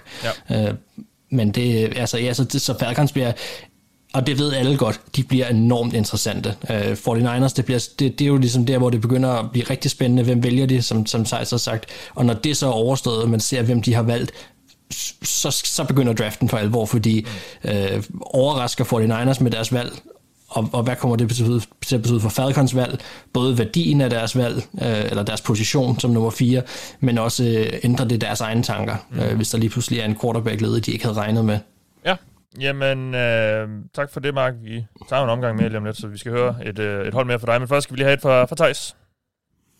Ja, men jeg, jeg håber faktisk nu, at det er fint, at jeg ligger tre her. Jeg tænker måske, at jeg tager mine to samlet. Ja, det er øh, Fordi jeg synes, at de, de ligger så tæt på hinanden, at de samlet set, øh, det mest kombination af de her to hold, som jeg tror kommer til at være utrolig afgørende for, hvad der sker på non-QB-positionerne, og måske også potentielt på QB-positionerne, hvis der begynder nogle quarterbacks at falde. Fordi det er de to hold, som, som jeg kunne se lave nogle trades i top 10. Den ene eller den anden vej. Okay, Lions ville det så være i tilfælde ned, fordi det er Lions og Broncos, jeg har taget. Øhm, hvis vi starter med Broncos, så er det jo et hold, som jeg har ingen idé om, hvilken retning går. Altså, de kan gå i 7.000 forskellige retninger. Jeg kunne se dem trade op i draften øh, for at tage en quarterback altså op til Falcons for eksempel, det er dem, der har et, det er nok det quarterback, eller det hold med, der sådan har et semi på quarterback, som har kortest vej op. Så man kan sige, at Falcons kan trade ned og stadig få en, en rigtig dygtig spiller der, så det kunne godt være appellerende for dem. Men med Broncos kunne også være, hvis der ikke lige er den quarterback, de gerne vil have, så kan jeg sagtens se dem trade ned. Jeg kunne sagtens se dem at trade øh, et godt stykke ned øh, til Patriots eller til, til Washington eller noget stil. Hvis de gerne vil op og have den femte quarterback for eksempel, Øh, Øh, jeg kunne også godt se dem trade ned bare af andre grunde, hvis der er nogen, der gerne vil op og have en, en forsvarsspiller, fordi det, det lyder jo meget til, at angrebsspillere kommer til at gå med de første seks, formentlig også syv og otte valg, tror jeg. Så den første forsvarsspiller, den bedste forsvarsspiller i draften, vil jo være tilgængelig ved 9. valget. Og man kan sige, at Cowboys lugter af, at de godt kunne tage en cornerback, så hvis man skal have den der top cornerback, eller bare en anden forsvarsspiller, man er rigtig glad for, så er Broncos et godt bud til der, hvor man skal hoppe op.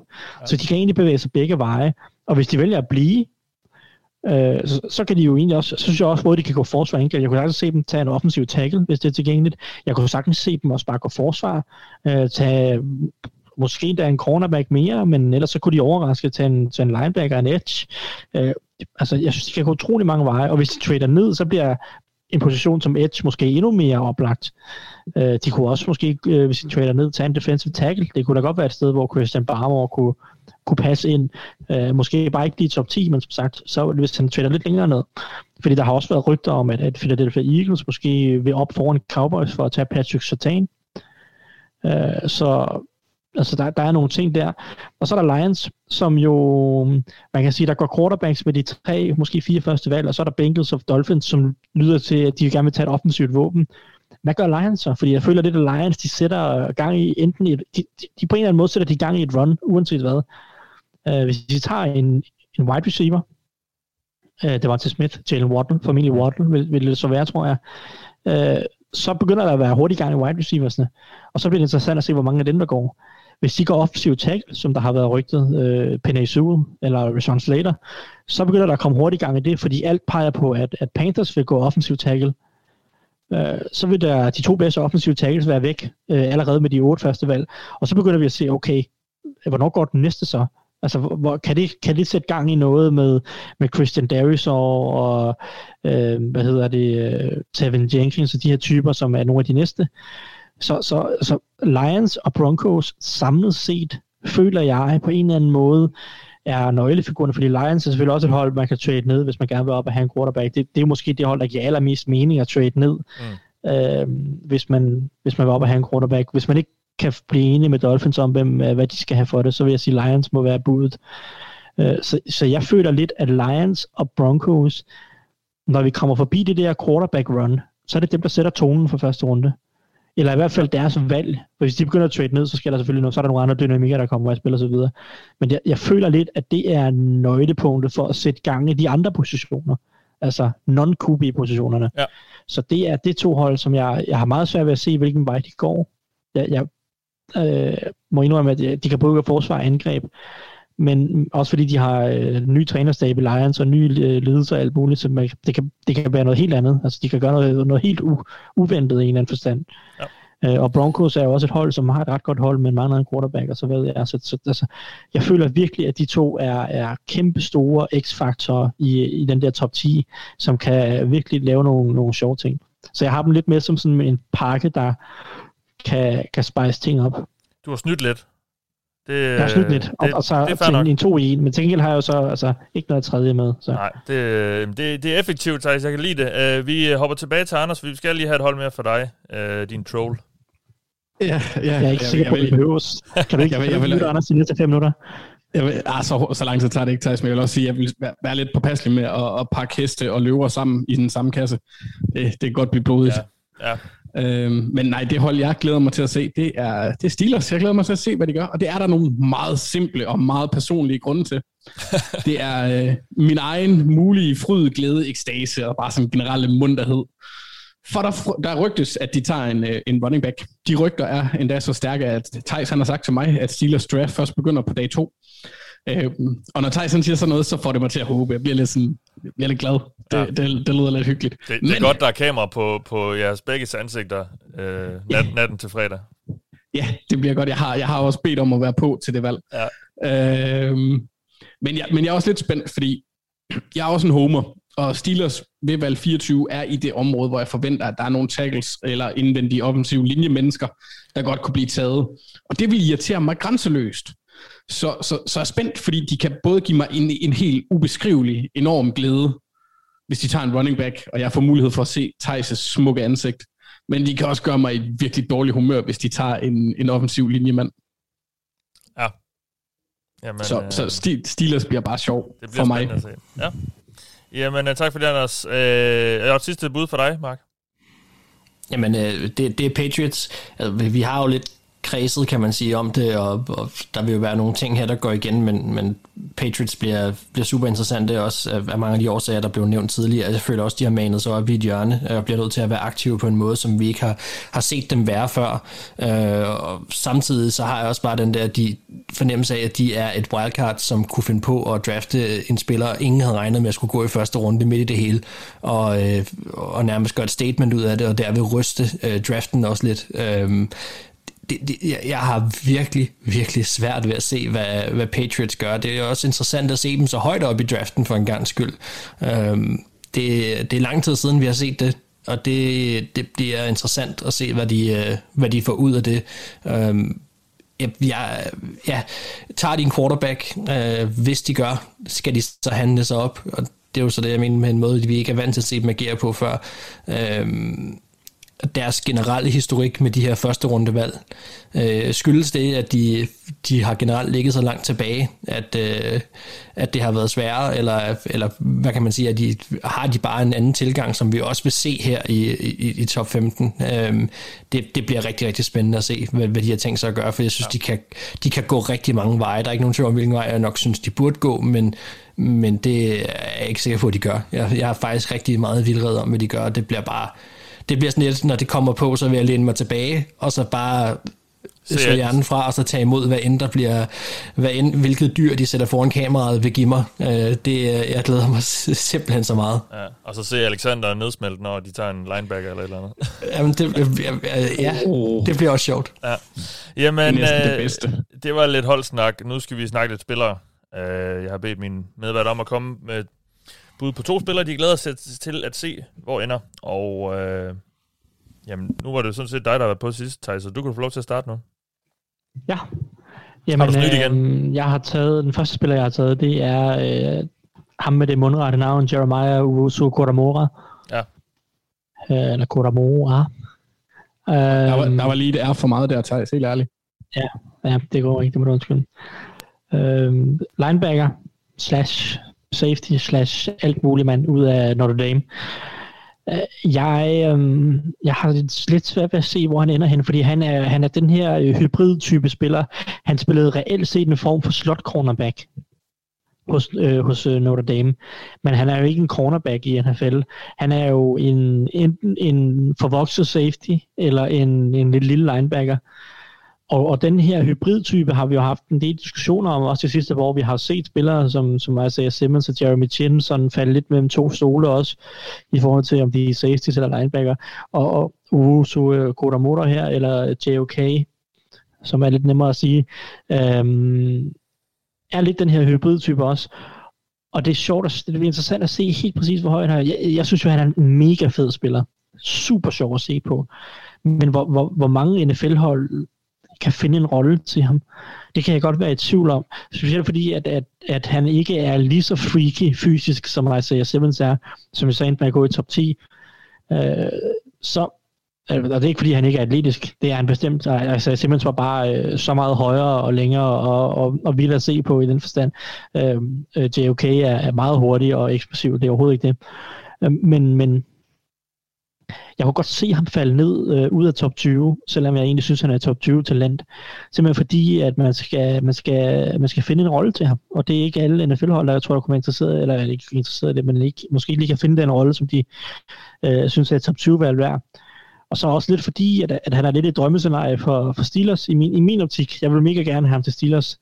Jeg tror ikke, at de vælger ham overhovedet. De har alt for travlt med at vælge running backs eller dårlige cornerbacks. Men, men øh, men, men, men altså, jeg, jeg kunne faktisk godt se ham være en af dem, der falder lidt overraskende langt, helt ned i bunden af første runde. Øhm, selvom at, at mange mocks jo øh, har ham i top 20. Ja.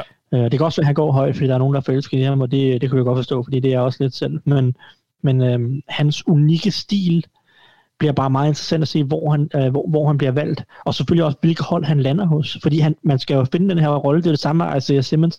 Hvordan passer han ind? Det er mindst lige så vigtigt som, hvem der vælger ham. Det er, hvordan passer han ind hos dem, der vælger ham.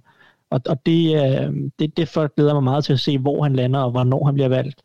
Mm. Øh, og sådan, hvilken trænerstab det er, der skal, der skal udnytte ham.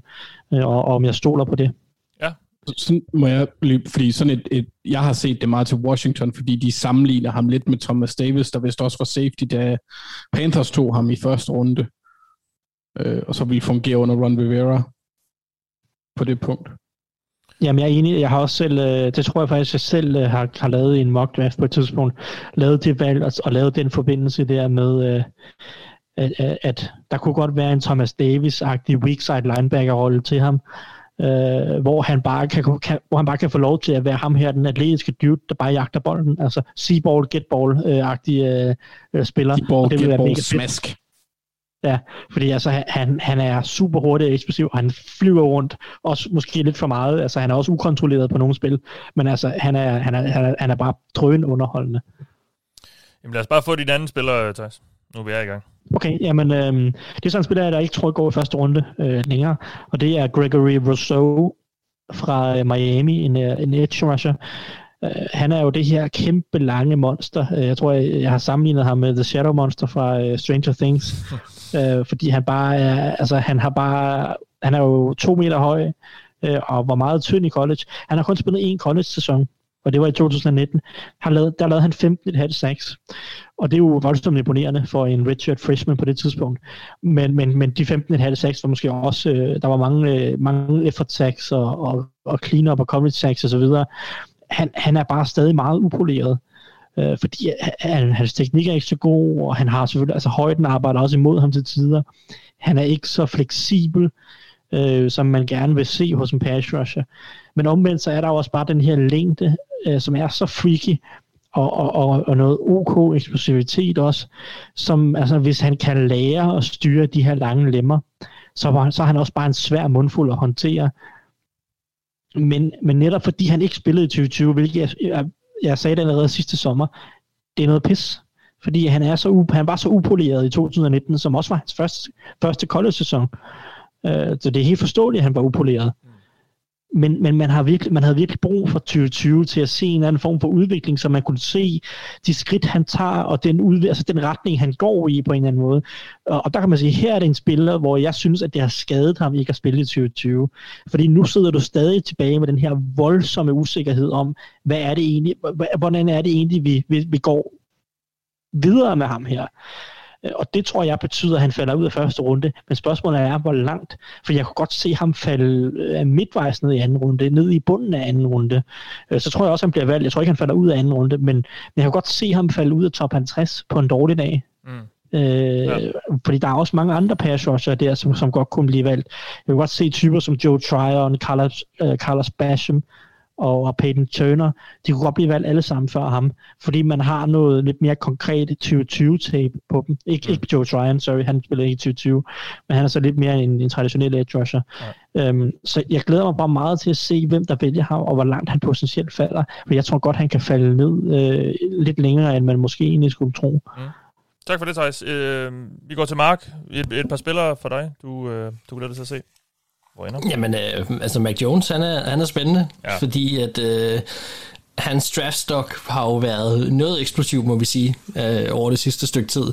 Øh, som det har været nævnt før, så, så gik der noget tid før, han overhovedet blev, øh, blev tænkt på som en, en top 10-spiller, og, og nu en top 5-spiller. Altså det var jo først rigtigt, at 49ers handlede sig frem i draften, at den snak rigtig kom i gang.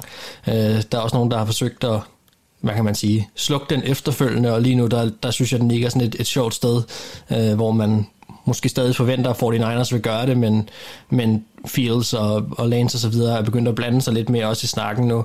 Øhm, så altså, jeg synes, hans historie indtil videre i forhold til den her draft er, har jo været meget speciel og, og også en lille smule unik, synes jeg, fordi det er det, det kommer lidt ud af det blå, at det, at det er gået så stærkt med ham, som det er, og, øh, og, og hvis han ikke er den spiller, som 49ers har valgt at, at, at, at trade sig op efter, øhm, jamen, øh, hvor, hvor skal han så falde hen? Mm. Altså, fordi originalt, så, så var der jo snak om, om Patriots, der er den her Patriots-Alabama-forbindelse, der er en, et åbenlyst mangel øh, hos, øh, hos Patriots, og jeg synes jo sådan set også, at han passer meget godt ind i den her tankegang om en, en NFL-klar øh, quarterback, som måske ikke er den her big play ability, men som i Bill Belichicks hænder øh, måske kunne være rigtig, rigtig fin. Øh, og, og, og den forbindelse eksisterer vel stadigvæk, men, men efter hans hvad kan man sige, hans værdi eller er blevet snakket så meget op, som den er, så bliver det enormt spændende at se, om det bliver gjort til skamme, om det fiser fuldstændig ud, og øh, han, han falder ud af top 10, øh, eller om, øh, om han bliver taget så højt, som han gør. Fordi hvad, hvad, hvad bliver reaktionerne så på det, øh, og hvad har man tænkt sig at gøre med ham? Det, altså, det, han, er, han er jo en af de spillere, som er allermest spændende, og nok også den første, hvis en rigtig stifter bekendtskab med, som en, jeg ved ikke, om man kan kalde det en overraskelse, hvis 49ers tager ham, men i hvert fald en af dem, som er mere spicy øh, i, i, i toppen af draften. Ja, det må man sige. Ja. Jamen, jeg synes, det er jo så vild en historie med ham, fordi det virker, altså, historien er jo, at det er nærmest kun, altså, det er jo kun en, netop en snak, fordi der er de her historier om, hvad, hvad, Carl, hvad Carl Shanahan godt kan lide i en quarterback. Og en dag efter også, han for nogle uger siden sagde, ja, altså, han gik efter Kirk Cousins, og han, nu har han Jimmy G og, og sådan noget, og han havde Matt Ryan, men det er jo ikke nødvendigvis ens med, at det er hans drømme quarterback. Altså, øh, altså, det har han jo selv været ude at sige, altså, at, at man bare ikke skal ligge så meget i det. Så det men, men der blev bare stadigvæk snakket om Mac Jones til 49ers, og Mac Jones men, til 49ers, og Mac Jones til 49ers. Altså, ja. Det er rigtigt, men man kan også bare sige en ting, der bliver ved med at gå igen omkring Carl Shanahan, det er, at jeg tror aldrig nogensinde, jeg har hørt fra så mange forskellige øh, hvad kan man sige, medier at, at, og, og kilder tæt på ham, at, at jeg har aldrig hørt så meget om en træner, hvor man, at, at der bliver beskrevet, at han er så sikker på, hvilken type spiller han vil have. Øh, ja, ja. Så, så ja, derfor kan jeg godt forstå, at de her, hvad kan man sige, rygter bliver holdt rigtig meget i live, hvis der er en snært af, at, at, at Mac Jones er en spiller for Carl Shanahan, fordi han er en spiller, der, eller en træner, der vælger til sit system jo. Han tager ikke en chance eller en godt feeling.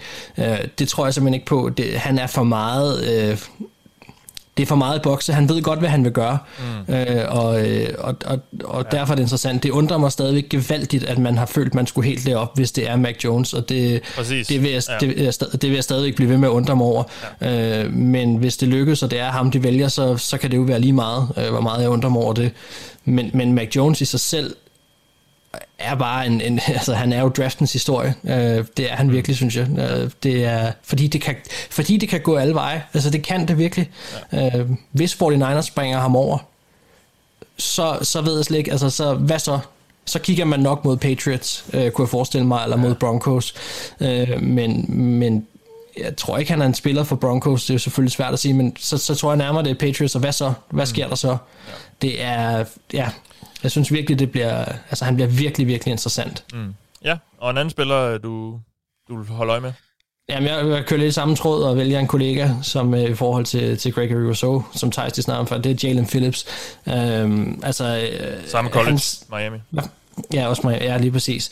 Øh, og, og så mange, der har læst om det her, ved, så, så, så ved de, at han har en skadeshistorik og et enkelt karrierestop allerede på banen, som, som, som gør, at, at, at der bliver lagt noget øh, Øh, der bliver lagt en kant på hans, øh, hans profil, altså, øh, fordi han er jo udad til, synes jeg, altså virkelig, virkelig spændende, og jeg synes ikke, man, man kan jo ikke benægte det talent, han har, men samtidig så ved man også bare, hvor påpasselig NFL er, og hvor meget påpasselige de fleste GM's er med at vælge spillere, som man ved har en skadeshistorik.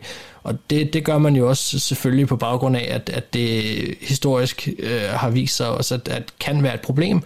Og jeg sidder der også med fornemmelsen af, at Jalen Phillips er potentielt en jernrystelse fra at stoppe med at spille fodbold igen. Øh, og, og, og var han så et højt valg værd? Altså det synes jeg jo, hans, hans talent synes jeg jo er det værd. Øh, og, og man kan sige, at grund til, at det er svært for alle andre at placere ham, det er jo, at, at vi ved jo ikke nok om det, øh, og, og vi har jo ikke de medical reports og så videre, som, som, som holdene får, så det kan være, at det giver, sig, øh, giver meget bedre mening, øh, der, som draften skrider frem, hvad det er, der kommer til at ske, og hvad vi måske får at vide bagefter os. Øh, men, men som udefra kom, når man sidder og ser på det her, så er han et kæmpe spørgsmålstegn, fordi jeg sidder med fornemmelsen af, at hvis han falder og får en NFL-karriere, hvor han ikke oplever de her jernrystelser igen, jamen så kan man være, at man kigger tilbage, til ham, øh, tilbage på ham som en af de største steals overhovedet for den her draft. For jeg tror virkelig, virkelig, at han kan blive god.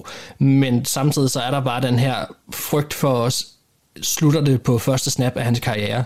Og det ved jeg godt, at det, det, det kan jo ske for alle. Det kan også ske for Trevor Lawrence, at han brækker benet på en vanvittig måde. Men han har bare ikke samme...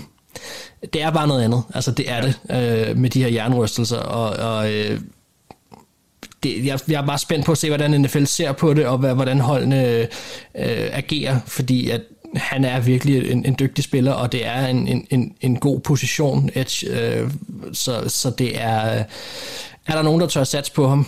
Det er der nok, men øh, hvornår? Og, øh, og, og hvad kan man sige, hvad, hvad bliver bevæggrundene for, at nogen måske springer ham over, ikke? Ja. Tak for det, Mark. Og øh, så skal vi lige have et par spillere for dig også, Anders. Ja, øh, min den første, han er sådan lidt, øh, han er lidt en blanding af dig og Tejs, bare lidt mørkere i huden og, og lidt mere muskuløs, tror jeg. Tror jeg. Så meget atletisk, er det, du siger. Og, og, og hammerne aggressiv. Det er Tevin Jenkins.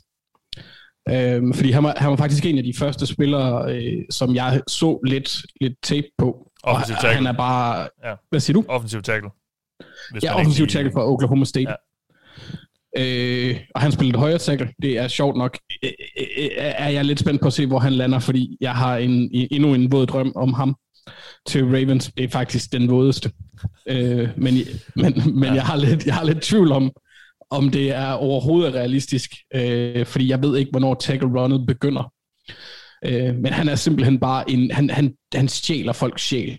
Han, han smadrer dem ud på sidelinjen og bliver ved med at lægge på dem. Og øh, han er bare, han er bare, han er bare hyggelig. Jeg, jeg læste et, øh, i en artikel, at en af de ting, han havde øvet sig på op til sæsonen, det var at være et større røvhul. Øh, og det, det, det kan man se.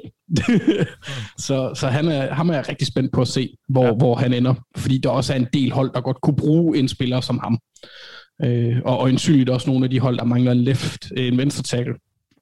Måske kunne overveje at, at, at flytte ham derover. Så han, han kan simpelthen gå fra, jeg vil næsten sige alt fra 10 og ned, øh, og så måske en dag ind i anden runde. Jeg ved ikke, hvor, hvor, hvor folk har ham hen. Men, men han, han bliver ja. rigtig sjov. Jamen er, er, han tackle, er han tackle 3, han har sagt i den her draft? Han er tre, tackle 1 i mit hjerte. Ja. Thijs, jeg ved ikke, hvor, har, hvor rangerer du ham i den her stærke tackle-klasse? Jeg har som tackle 3. Ja, okay. øh, jeg tror også, han går i første runde. Øhm, ja. Jeg kunne godt se, at der var hold, øh, der havde Christian Darius over ham. Øh, og der kunne også godt være hold, der har nogle, nogle andre tackles, hvad ved jeg. Men jeg, altså, jeg, tror, jeg tror, det er mest sandsynligt, at han går et eller andet sted mellem nummer 16 og nummer øh, 23. Ja, modtaget. Nå, det sige, mellem, mellem, mellem Cardinals og Jets, det er mit bud. Ja. ja. Men altså, det er også, han er sådan en gusten runblocker, så jeg kommer bare til at sætte ham i vores angreb, så bliver jeg, jeg vil, jeg vil så gerne. Ja. Men øh, det kommer nok ikke til at ske. Mm. Nej. Øhm, og den anden, det, det er Justin Fields af, altså næsten samme årsager, som Mark han nævnte med Mac Jones, fordi han kan gå rigtig mange steder. Jeg tror så ikke, han falder lige så langt, som Mac Jones han har mulighed for at falde. Øhm, på grund af, at han simpelthen, altså jeg synes, at det narrativ, der har kørt omkring ham, øh, kommer vi nok også lidt på lidt senere, det er til grin. Øhm, og jeg er lidt spændt på at se, hvilken effekt det har. Hvad, specifikt hvad? Været, altså, ja. Der kan være det med progressionerne, ja. og hans evne til at læse spillet, det i stedet det, for at man kigger på frem. det. Ja. Ja, i stedet for at man kigger på det angreb, han var i, og, og så jeg kan ikke huske, hvem det var, der lavede en, en chart over, hvem der, der oftest gik til deres anden, tredje og fjerde receiver, og der var han nummer et, tror jeg, eller ja. nummer to. Jeg kan ikke ja. huske, der var i toppen. Han var langt foran Mac Jones, for eksempel. Ja. Øhm, så, så hele det der mærkelige, mærkelige narrativ, der har været omkring ham op til draften, han har nærmest haft en omvendt Mac Jones, ikke? hvor at, at folk nærmest har talt ham ned konstant. Mm. Øhm, og jeg, jeg tror bare, at han bliver en superstjerne, ligesom ja. Mark han også, øh, så Mark skrive et eller andet sted, at han ser ham lidt som, eller hører, hørt ham sige, eller skrive, jeg kan ikke helt huske det, øh, at han bliver, ser ham som en Deshaun Watson type i den her. Jeg tror faktisk, det var mig. Mathias, så. Ja. Ja. Okay, jamen fantastisk. Ja. Man må se, hvor meget jeg følger med. Ja.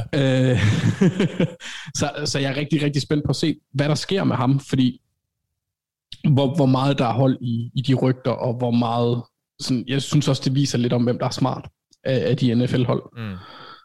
Øh, fordi ja, jeg ser en stor stjerne i ham også. Jamen, jeg, ja, jeg skrev det der med Deshaun Watson, fordi jeg, jeg synes også, jeg kan huske i den draft med ham, øh, der var også nogle historier op til, ja, men hvor god er han egentlig, og han spillede på et mega godt øh, collegehold, øh, men mm. han var bare en vinder, og det var, er Fields jo også. Altså, selvfølgelig har der så været nogle, nogle dårlige kampe, det er der jo altid, men jeg, jeg har bare, det, er sådan lidt de der samme vibes, fordi der var også noget historie om, altså, han blev heller ikke valgt som den første quarterback. Øh, det var så også den draft, hvor, yeah. hvor Mahomes var jo, men, men altså, det er jo, altså, der var også nogle historier om, ja, men hvor god er han egentlig, når det kommer til stykket, og, og mm. er han bare sådan lidt en, øh, en college-stjerne, eller hvad, altså, jeg, jeg får sådan lidt de der samme fornemmelser med Fields, øh, og af samme grund har jeg så også den der fornemmelse af, jeg tror, jeg, jeg tror sagtens, han kunne ende med at blive den, den største stjerne.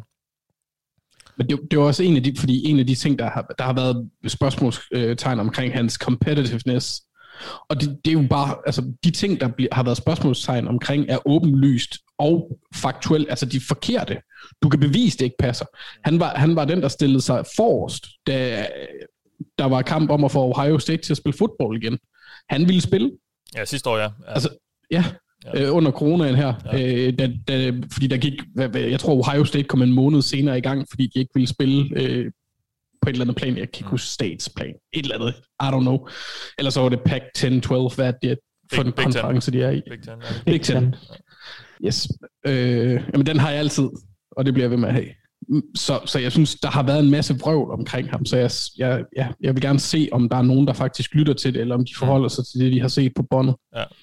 Jamen, og som jeg også skrev i vores tråd der tidligere i dag, altså, jeg, man kan heller ikke udelukke, at det, han simpelthen bliver talt ned, fordi der er nogen, der bare virkelig gerne vil have ham, og, og vil have ham til at falde, øh, mm. så, så de kan få ham. Øh, men det, det er, det, jeg synes, det har været en meget mærkelig proces, fordi indtil, jamen indtil for et halvt år siden var det jo, jamen der er Trevor Lawrence og Justin Fields, det er et og to i draften, og det er nærmest no matter what, hvilket, øh, altså, så bliver de første og andet valg selvfølgelig, hvis det er hold, der, der ender med, med åbenlysende quarterback needs, der, der, der, der, der er endt med de valg.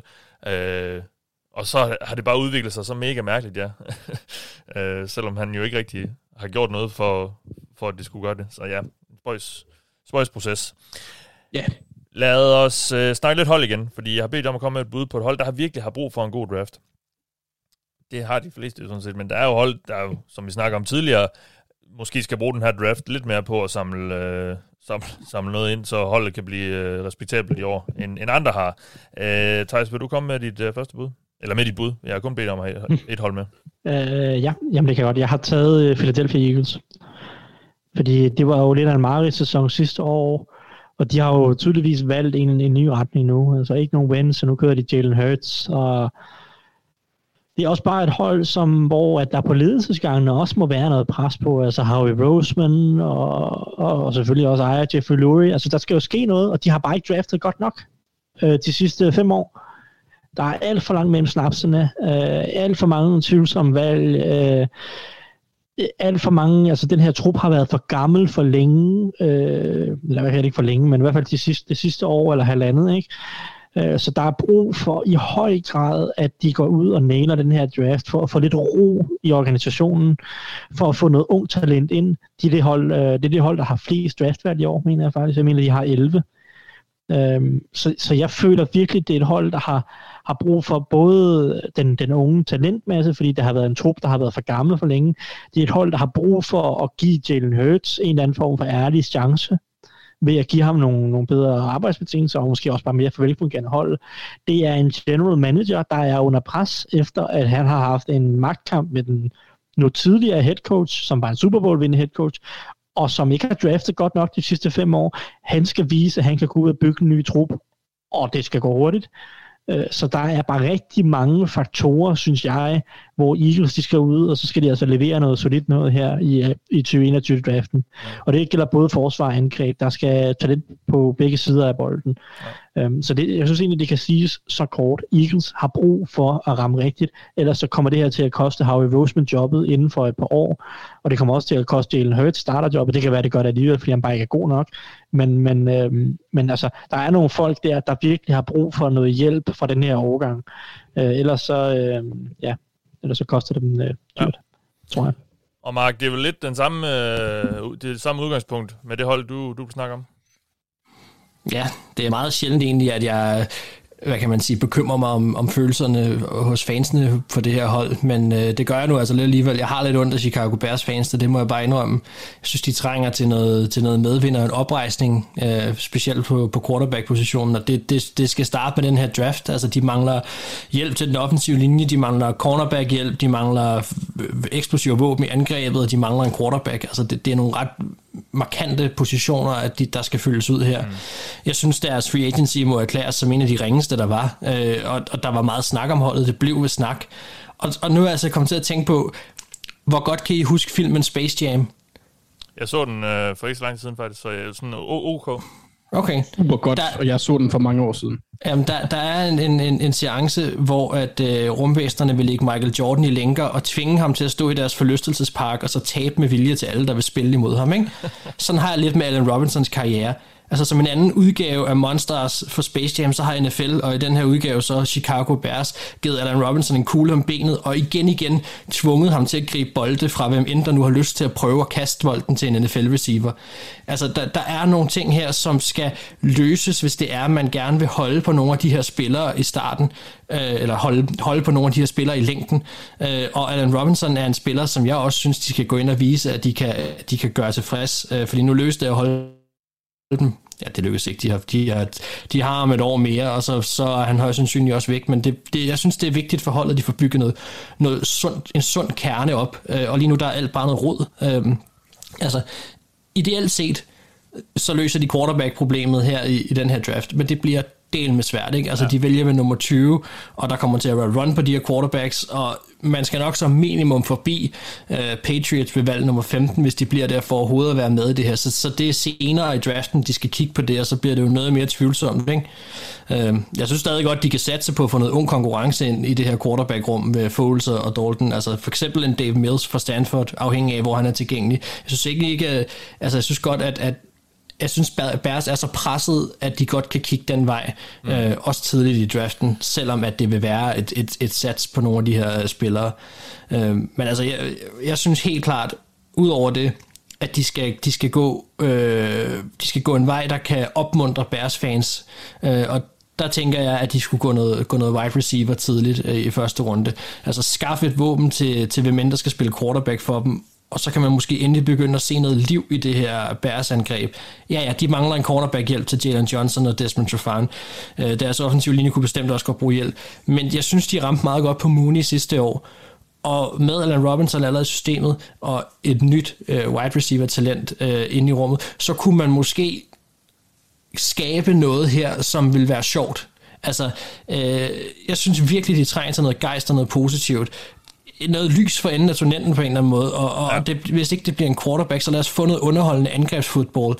Få noget, der fungerer sideløbende med det her Khalil Mack show, som stadig er på den anden side. Deres forsvar kan sagtens være okay, øh, men, men jeg synes, de har brug for noget gejst, og jeg synes, de har brug for, at der kommer noget, noget underholdende fodbold til Bærs, øh, som også gør, at andre spillere måske har lyst til at spille der, øh, og de skal have bygget en ny, ung, solid kerne op, og det, det skal starte i den her draft. Det skal mm. det.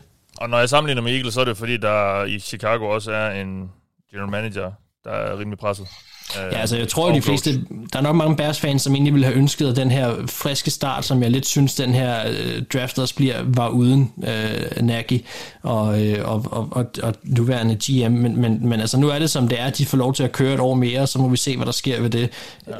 Lige nu har jeg svært ved at se dem være der mere end bare et år, og det kan godt være, at de så skal ud og hente quarterback næste år, det så der det første rigtig starter, men jeg synes, mm.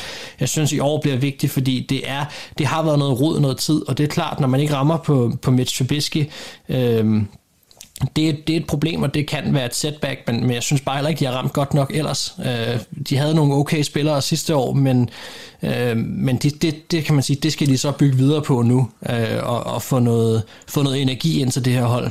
Yes, Jamen, øh, et bud for dig, Anders. Ja. Øh, det er Raiders. Lige lige at Tyson var faldet i søvn, det er derfor, jeg sidder og smiler lidt. Øh, hvilket man kan høre på podcasten jo. Raiders, de, de har brug for en virkelig god draft, synes jeg. Øh, jeg synes næsten siden Gruden og Merck, de trådte til i øh, 2018, der har deres drafts været pinefulde. Øh, der er faktisk få ting, som de har gjort, der har været succesfulde, synes jeg. Og nu går vi så ind i den fjerde sæson, og de har ribbet deres offensive linje. De har nærmest også ribbet deres defensive linje ved at fyre Maurice Hurst, øh, hvilket er pudsigt, synes jeg. Fordi deres forsvar er rimelig mangelfuldt, fuldt, og han er trods alt en okay spiller. Øh, så det ligner et hold, der går ind i et rebuild, hvis de ikke rammer rigtigt på en del valg i år, synes jeg. Øh, de har otte af dem, af otte valg i årets draft, blandt andet to i tredje runde, så der kan samles virkelig gode spillere op, og der kan handles. Øhm, det gør så også, at der er en sandsynlighed for at få en god draft, spørgsmålet er så bare, om de får det. Men altså, jeg synes, at de mangler at få de valg, de har foretaget over de sidste tre år til at præstere. Man kan snakke om Colton Miller, der lige er blevet forlænget. Han har været okay, øh, men ellers så har der været langt mellem snapsene. Øh, og, og i forhold til våben på receiverdelen, der er der også, altså Henry Rocks stadigvæk fin.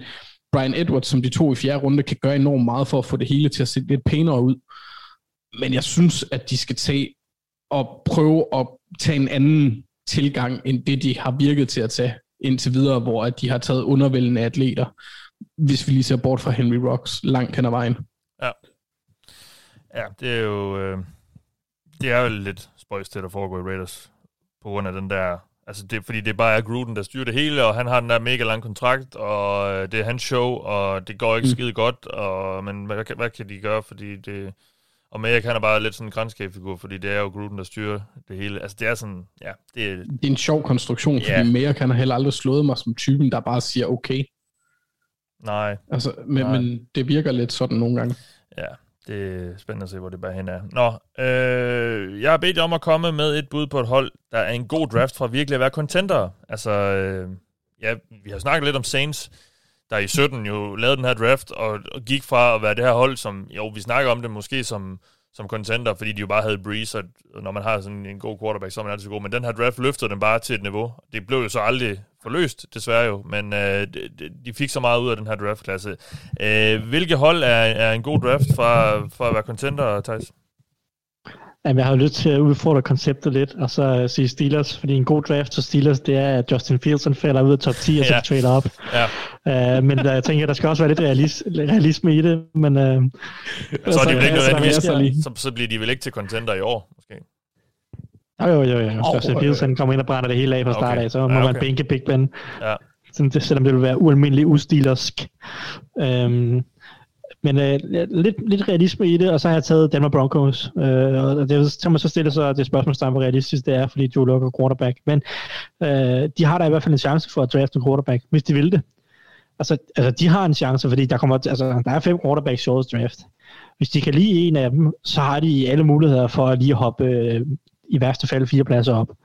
Altså, det, det, er jo, det er jo realistisk. Og man kan også sige, selv hvis de ikke vælger en quarterback, så er det her en, en stærk trup, som i tilfælde af Joe Luck tager et spring op til, lad os bare sige, en middelmåde NFL quarterback, øhm, så er det et hold, der kan drille rigtig, rigtig mange. Fordi jeg tror, Vic Fangio får godt styr på det her forsvar nu.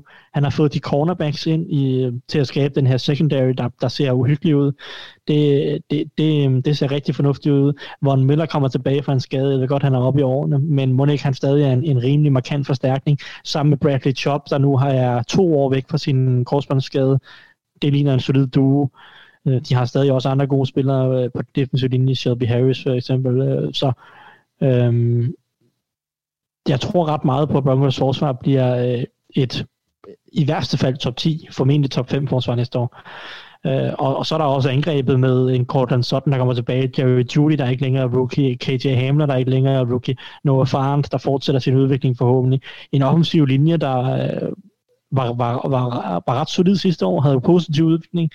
Men nu øh, i år har de så en, et Dalton Reisner med endnu et år på bagen, Lloyd Cushenberry, der ikke længere er rookie, og, og så forhåbentlig lidt bedre right tackle, enten noget de drafter, eller fordi Jawan James er tilbage efter at have opdaget ud.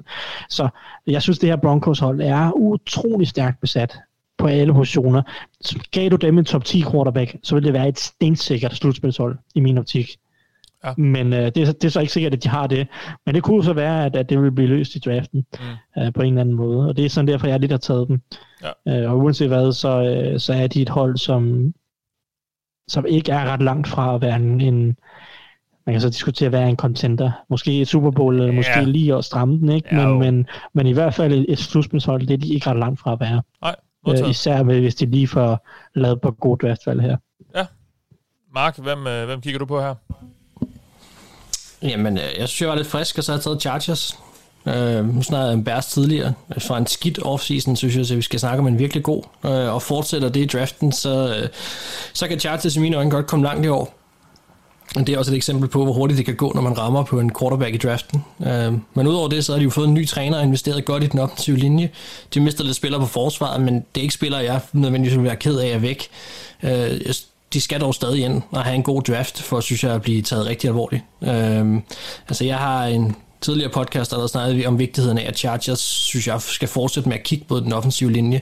Trey Pipkins er et problem på left tackle, og de kan generelt godt bruge dybde og konkurrence på den linje.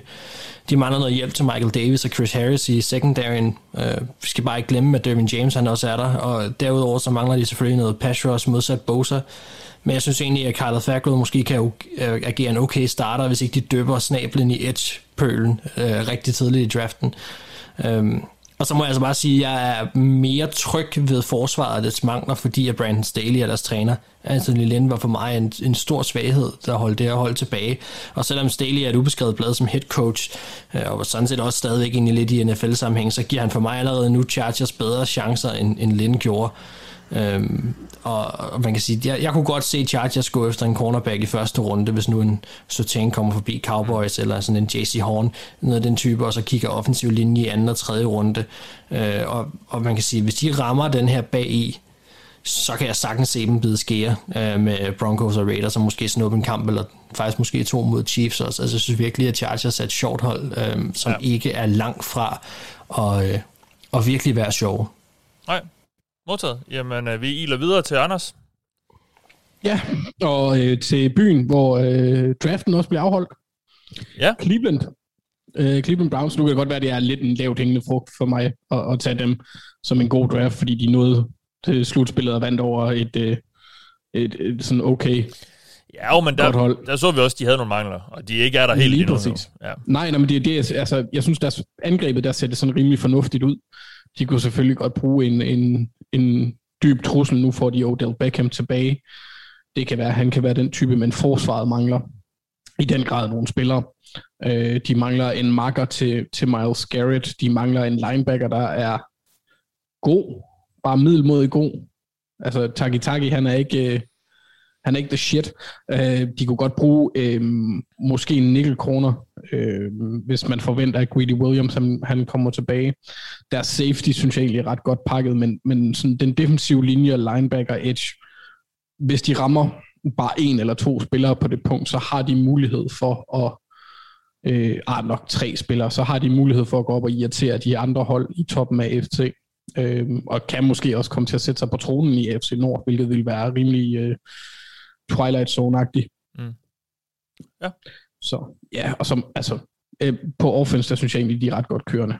Der, der, der, der er der ikke super meget mere, der skal sprøjtes ind, fordi de sidder på den quarterback, de har. Så ja, og de har rimelig gode skill position players. Ja. Måske en wide receiver, det vil være lidt et wildcard, men jeg synes, det er, det er det forsvaret, hvor de skal investere. Men hvis de rammer rigtigt der, så kunne jeg godt se dem nå ret langt.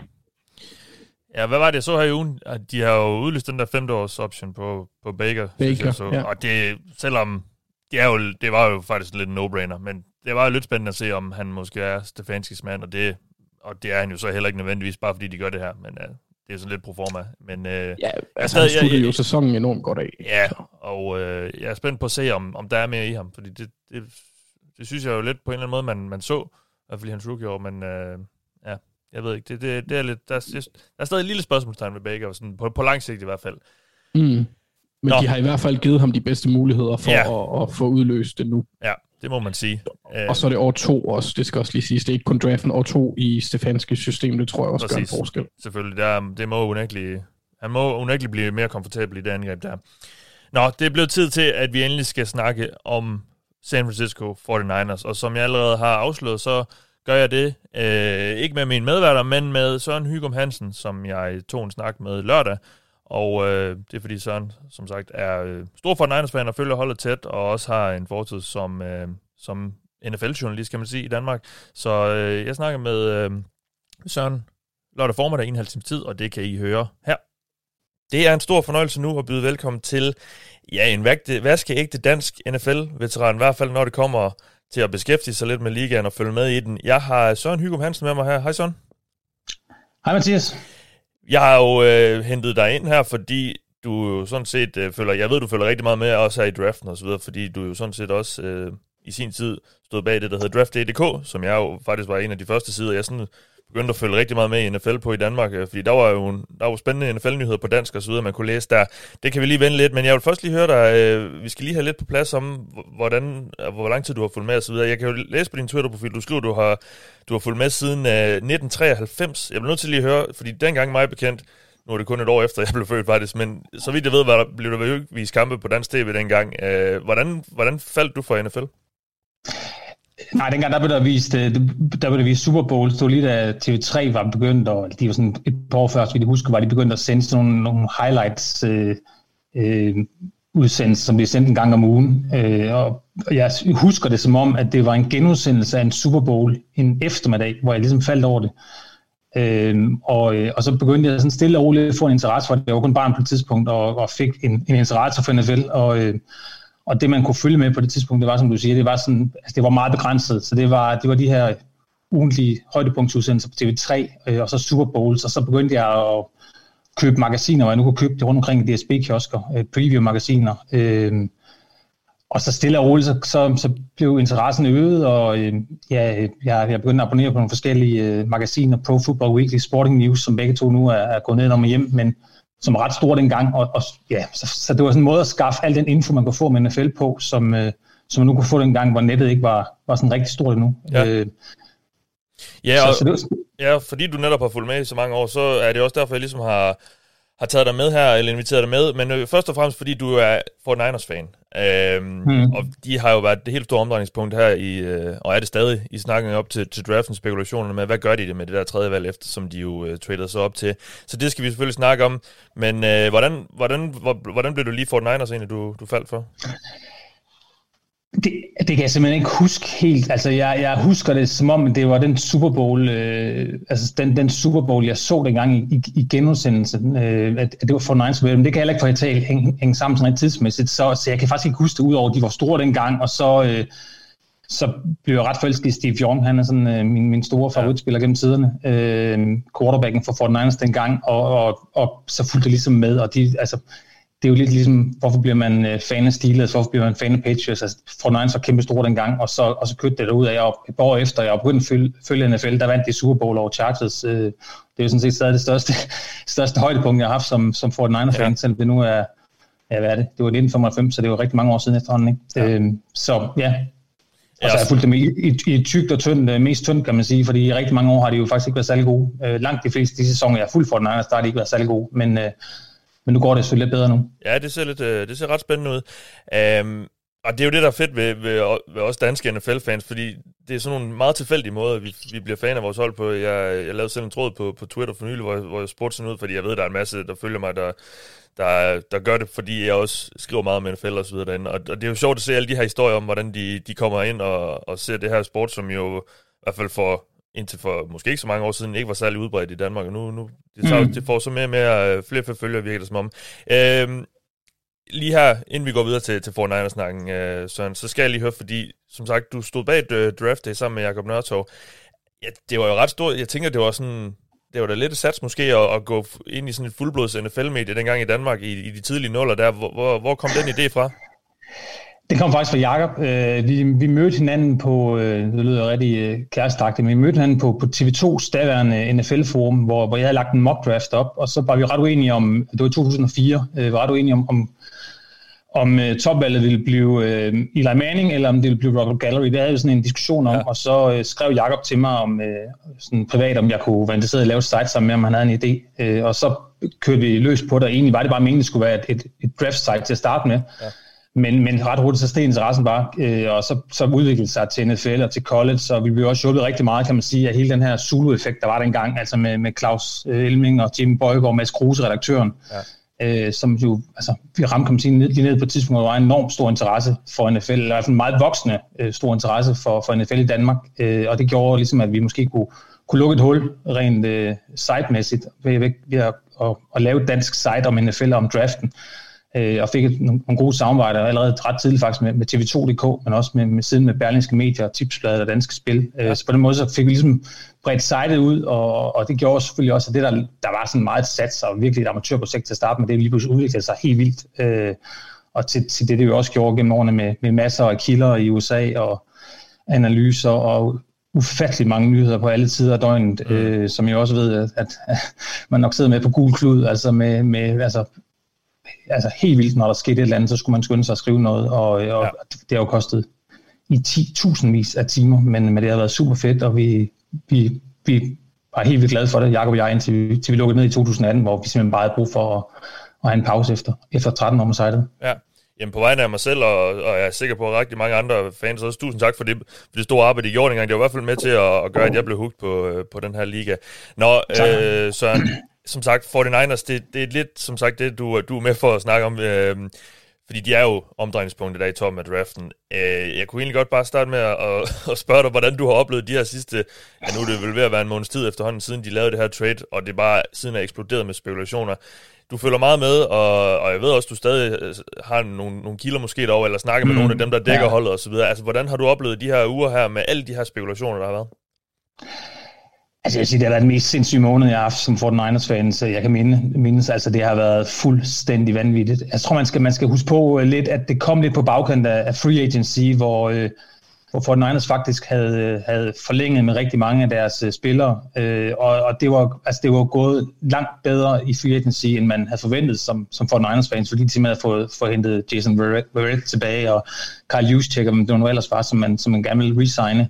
Øh, så det så rigtig lovende ud, og, og hvis så bare øh, den gode Jimmy G, han kunne, øh, eller han kan øh, få en, en god 2021-sæson, så så det rigtig godt ud. Mm. Og så lige pludselig så eksploderer det bare med den her handel, som ingen har set komme, øh, og hvor man lige pludselig skulle sætte sig ind i, hvad, hvad, hvad fanden handler det egentlig om? Altså hvorfor er det, at de, de handler op? Og min umiddelbare tanke var Trey Lance, øh, men siden har det jo så bare vist sig, at det muligvis meget vel kunne, eller kan være Mac Jones, man går efter, og det, det har jeg i hvert fald skulle omstille mig selv ind i hovedet til, at det kan være ham. Øh, fordi nu er, nu er der noget ret meget, der synes jeg, der tyder på, at det kunne blive ham. Ja. Og det er jo bare sat sind i kog i Fortnite land. Altså, jeg tror ikke, jeg, jeg lyver, hvis jeg siger, at øh, 80-85% af alle Fortnite fans, de vil hellere have en anden quarterback end, end Mac Jones. Øh, så, så, så på den måde har det, er det gået fra enormt positivt og enormt, enormt glæde over at se frem til en draft, hvor man egentlig bare skulle gå sådan en vælge best player available, fordi man havde så, så få huller i truppen, og så til, til et 49er-hold nu, hvor, hvor mange fans synes, at det er helt vildt, det der sker, hvis de vælger Mac Jones, og, og, og der er allerede nogen, der har, der har skrevet på Twitter, at de vil ikke være 49ers fans længere, hvis, hvis det sker. Hold op. Ja. Øh, men men det, altså, jeg tænker også, det er jo også spektakulært, fordi der er jo meget hemmelighold, og man, der er mange spekulationer også. Og der, ja, der havde været lidt snak om, om, hvad synes de egentlig om, om, om Jimmy G, og altså, er, det, er, han, er han Kyle Shanahan's drømme quarterback? Det vidste de fleste nok, det er han måske nok egentlig ikke, men er mm. det noget, de lige, fordi Shanahan kan også løfte rigtig meget jo i sin quarterback, så er han så, og vi så jo, han, han Jimmy G også tog dem til Super Bowl, men det var, nu viser de så, okay, de synes faktisk ikke, i hvert fald ikke på den lange bane, at han, øh, han er værd at satse på. Så jeg tænker også, det er måske også noget med det at gøre, at det her med, at de, de ligesom blotter deres tanker om Jimmy G, der gør, at det er spektakulært.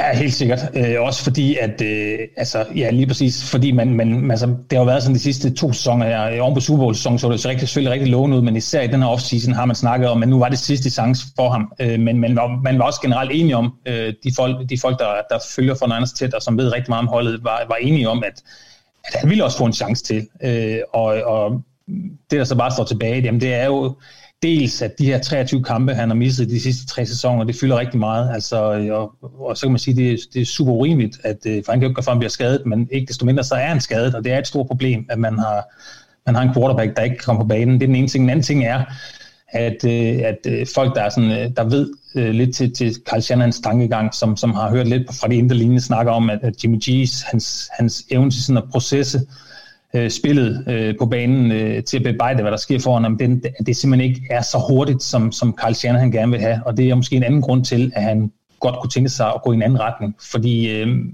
altså man kan sige, dybest set, altså Jimmy G for, for to år sæsoner siden var han syv minutter fra potentielt at blive Super Bowl MVP.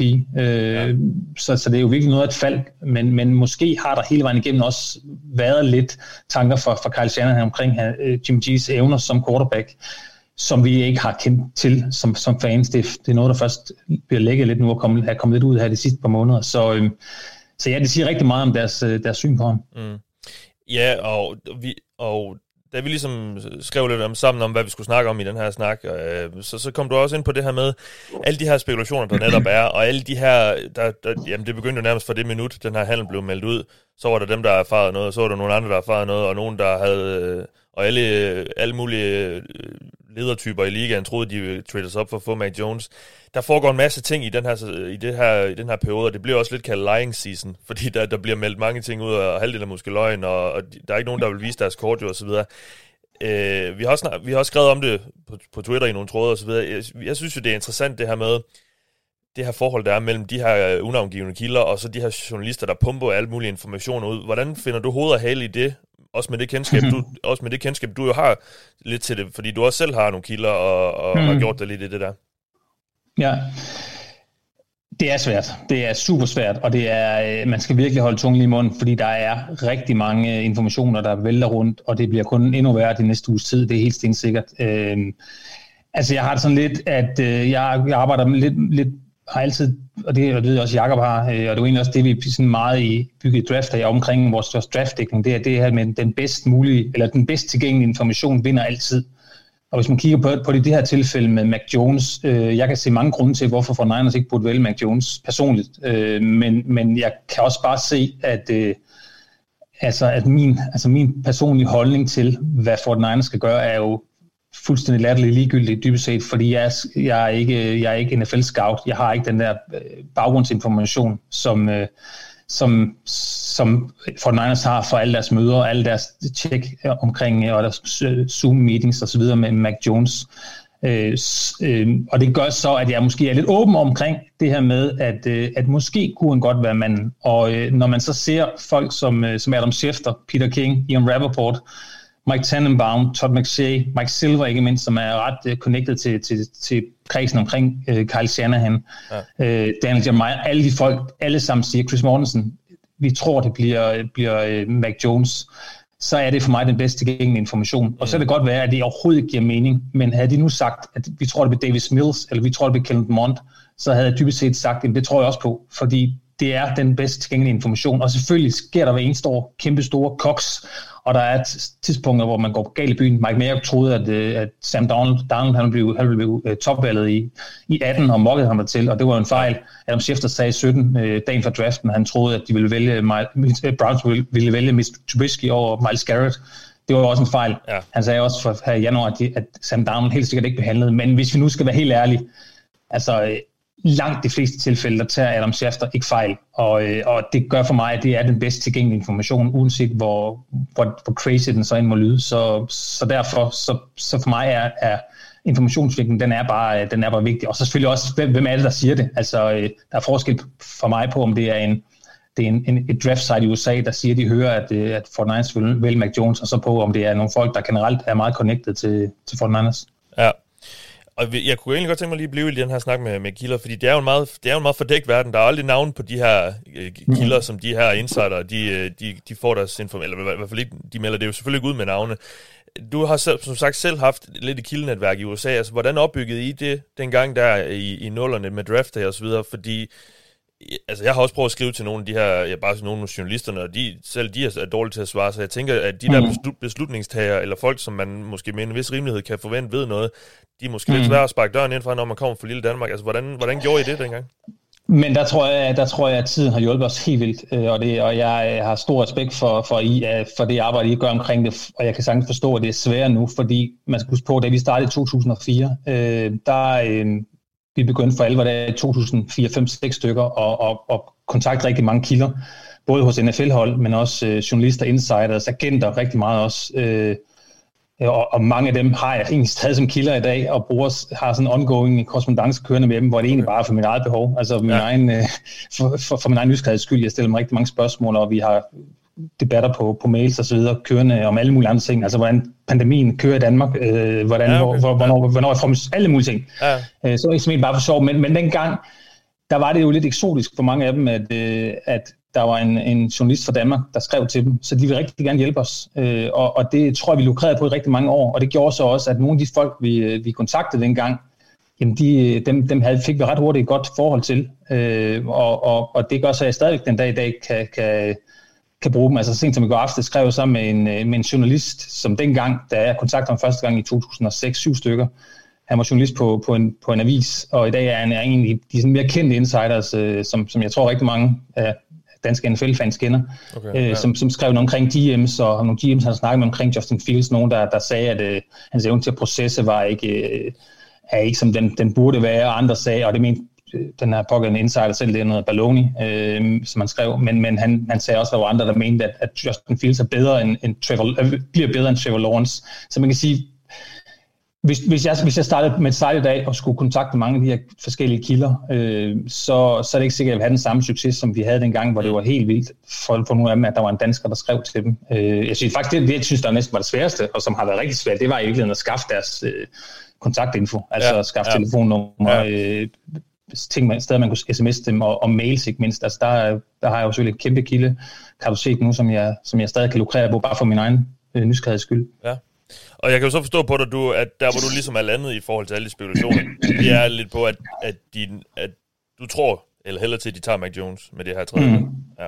Ja, altså nu sidder vi her lørdag. Det kan jo, det kan jo skifte rigtig mange i de kommende ja. dage, men jeg vil sige, med, med så voldsom en stor mængde info, der er ude lige nu omkring uh, Mac Jones for Niners, så, så, altså, så vil det gå imod alt, hvad jeg tror på, hvis, hvis jeg siger, at det, det bliver Fields Lance. Altså, jeg har ikke set en eneste øh, stor øh, insider, som, som er ret connected, der med sikkerhed siger, at jeg, jeg ved, at det bliver Fields og Lance. Jeg ved godt, der er heller ikke nogen, der har sagt, at, øh, at det bliver Mac Jones. Det er noget, de siger, de forventer, men der kører jo rigtig meget snak, skal man huske på, omkring... Øh, omkring altså hele den her øh, gruppe omkring Kyle Shanahan. Altså jeg tror ikke, der er nogen, der har noget som helst, ved noget som helst om, har, har hørt det fra Kyle Shanahan, men det kan være, at man har hørt det fra Mike Shanahan. Altså ja. der var en ret, ret god nok det går i, i, fra Matt Barrows, øh, som dækker for Niners, der skrev, at, øh, at for en måneds tid siden havde han kontaktet Mike Shanahan for at høre lidt omkring hans syn på quarterbacksene, fordi han ved, at han måske er en, en ret god øh, øh, hjælper for Kyle Shanahan, og måske han, han, han støtter sig til for at få en god råd og vejledning. Og da han så ringede tilbage, øh, Mike Shanahan, til øh, Matt Barrows, der ringede han fra, øh, direkte ind fra Fort Niners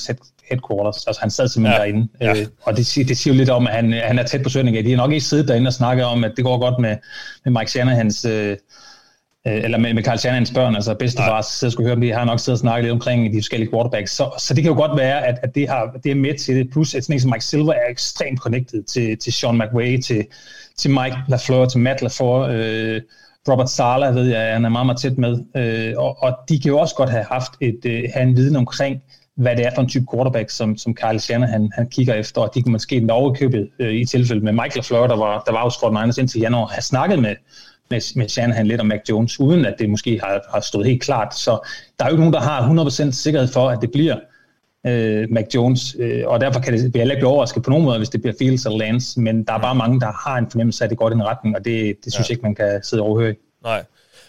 Og jeg har da også sådan lidt, hvorfor skulle 49ers eller en ting er, at de har, som også siger, Shanahan har jo nok ikke direkte sagt til nogen, vi tager Mac Jones. Dels fordi mm. de jo egentlig ikke, stadigvæk ikke kan vide, om han er der. Det er han jo så nok, fordi det er efterhånden en offentlig hemmelighed, at Jets nok tager, øh, højst sandsynligt ja. tager Zach Wilson, og Trevor Lawrence ryger selvfølgelig til Jacksonville. Så der er jo ikke, altså, det er jo ikke fordi, de, de, sådan, de, de, de skal jo ikke snyde nogen for de Niners for at få ham, de gerne vil have. Jo, det kan godt være, de gerne vil have Zach Wilson. De vil nok rigtig gerne have haft Trevor Lawrence, men det ved de jo, ja. det ved de jo helt sikkert. Det er ikke muligt. Så de kan jo, altså, det er også det, der måske taler for, at der er så mange, der, der, der mener at vide noget, og, og at den information nok er jo nogenlunde øh, troværdig, fordi at, jamen, igen, de har ikke rigtig øh, så mange grund til måske at skjule deres kort på hånden. Jeg ved ikke, hvordan du, øh, hvordan du, hvordan du tolker Nej, lige, præcis, lige præcis, og jeg tror, det der er sket, øh, og det er bare min egen teori, men jeg tror, det der er sket, det er, at man har, man har ret, altså vi ved jo, at, at 49ers øh, gruppen er sådan den, den helt tætte gruppe omkring Shanahan, altså Adam Peterson, assisterende general manager, John Lynch, øh, Ethan Worth, øh, deres scouting director, øh, Mike McDaniel, øh, Shannon selv, de blev, de blev alle sammen bedt om i januar måned, fordi man, man allerede der besluttede sig for, at man ville prøve at finde en anden quarterback. Der begyndte man at analysere på, på draftens quarterbacks, mm. og øh, så man allerede dengang har man jo vidst, altså har man kigget ret grundigt på de her forskellige quarterbacks, og så har man, af min teori, at man har fundet ud af, at Mac Jones kunne det meget vel være, øh, og det ved jeg også, Mathias Vito har skrevet lidt om på Twitter, altså at ja. man nok har gået ind i den her proces med at have haft en, en klar favorit.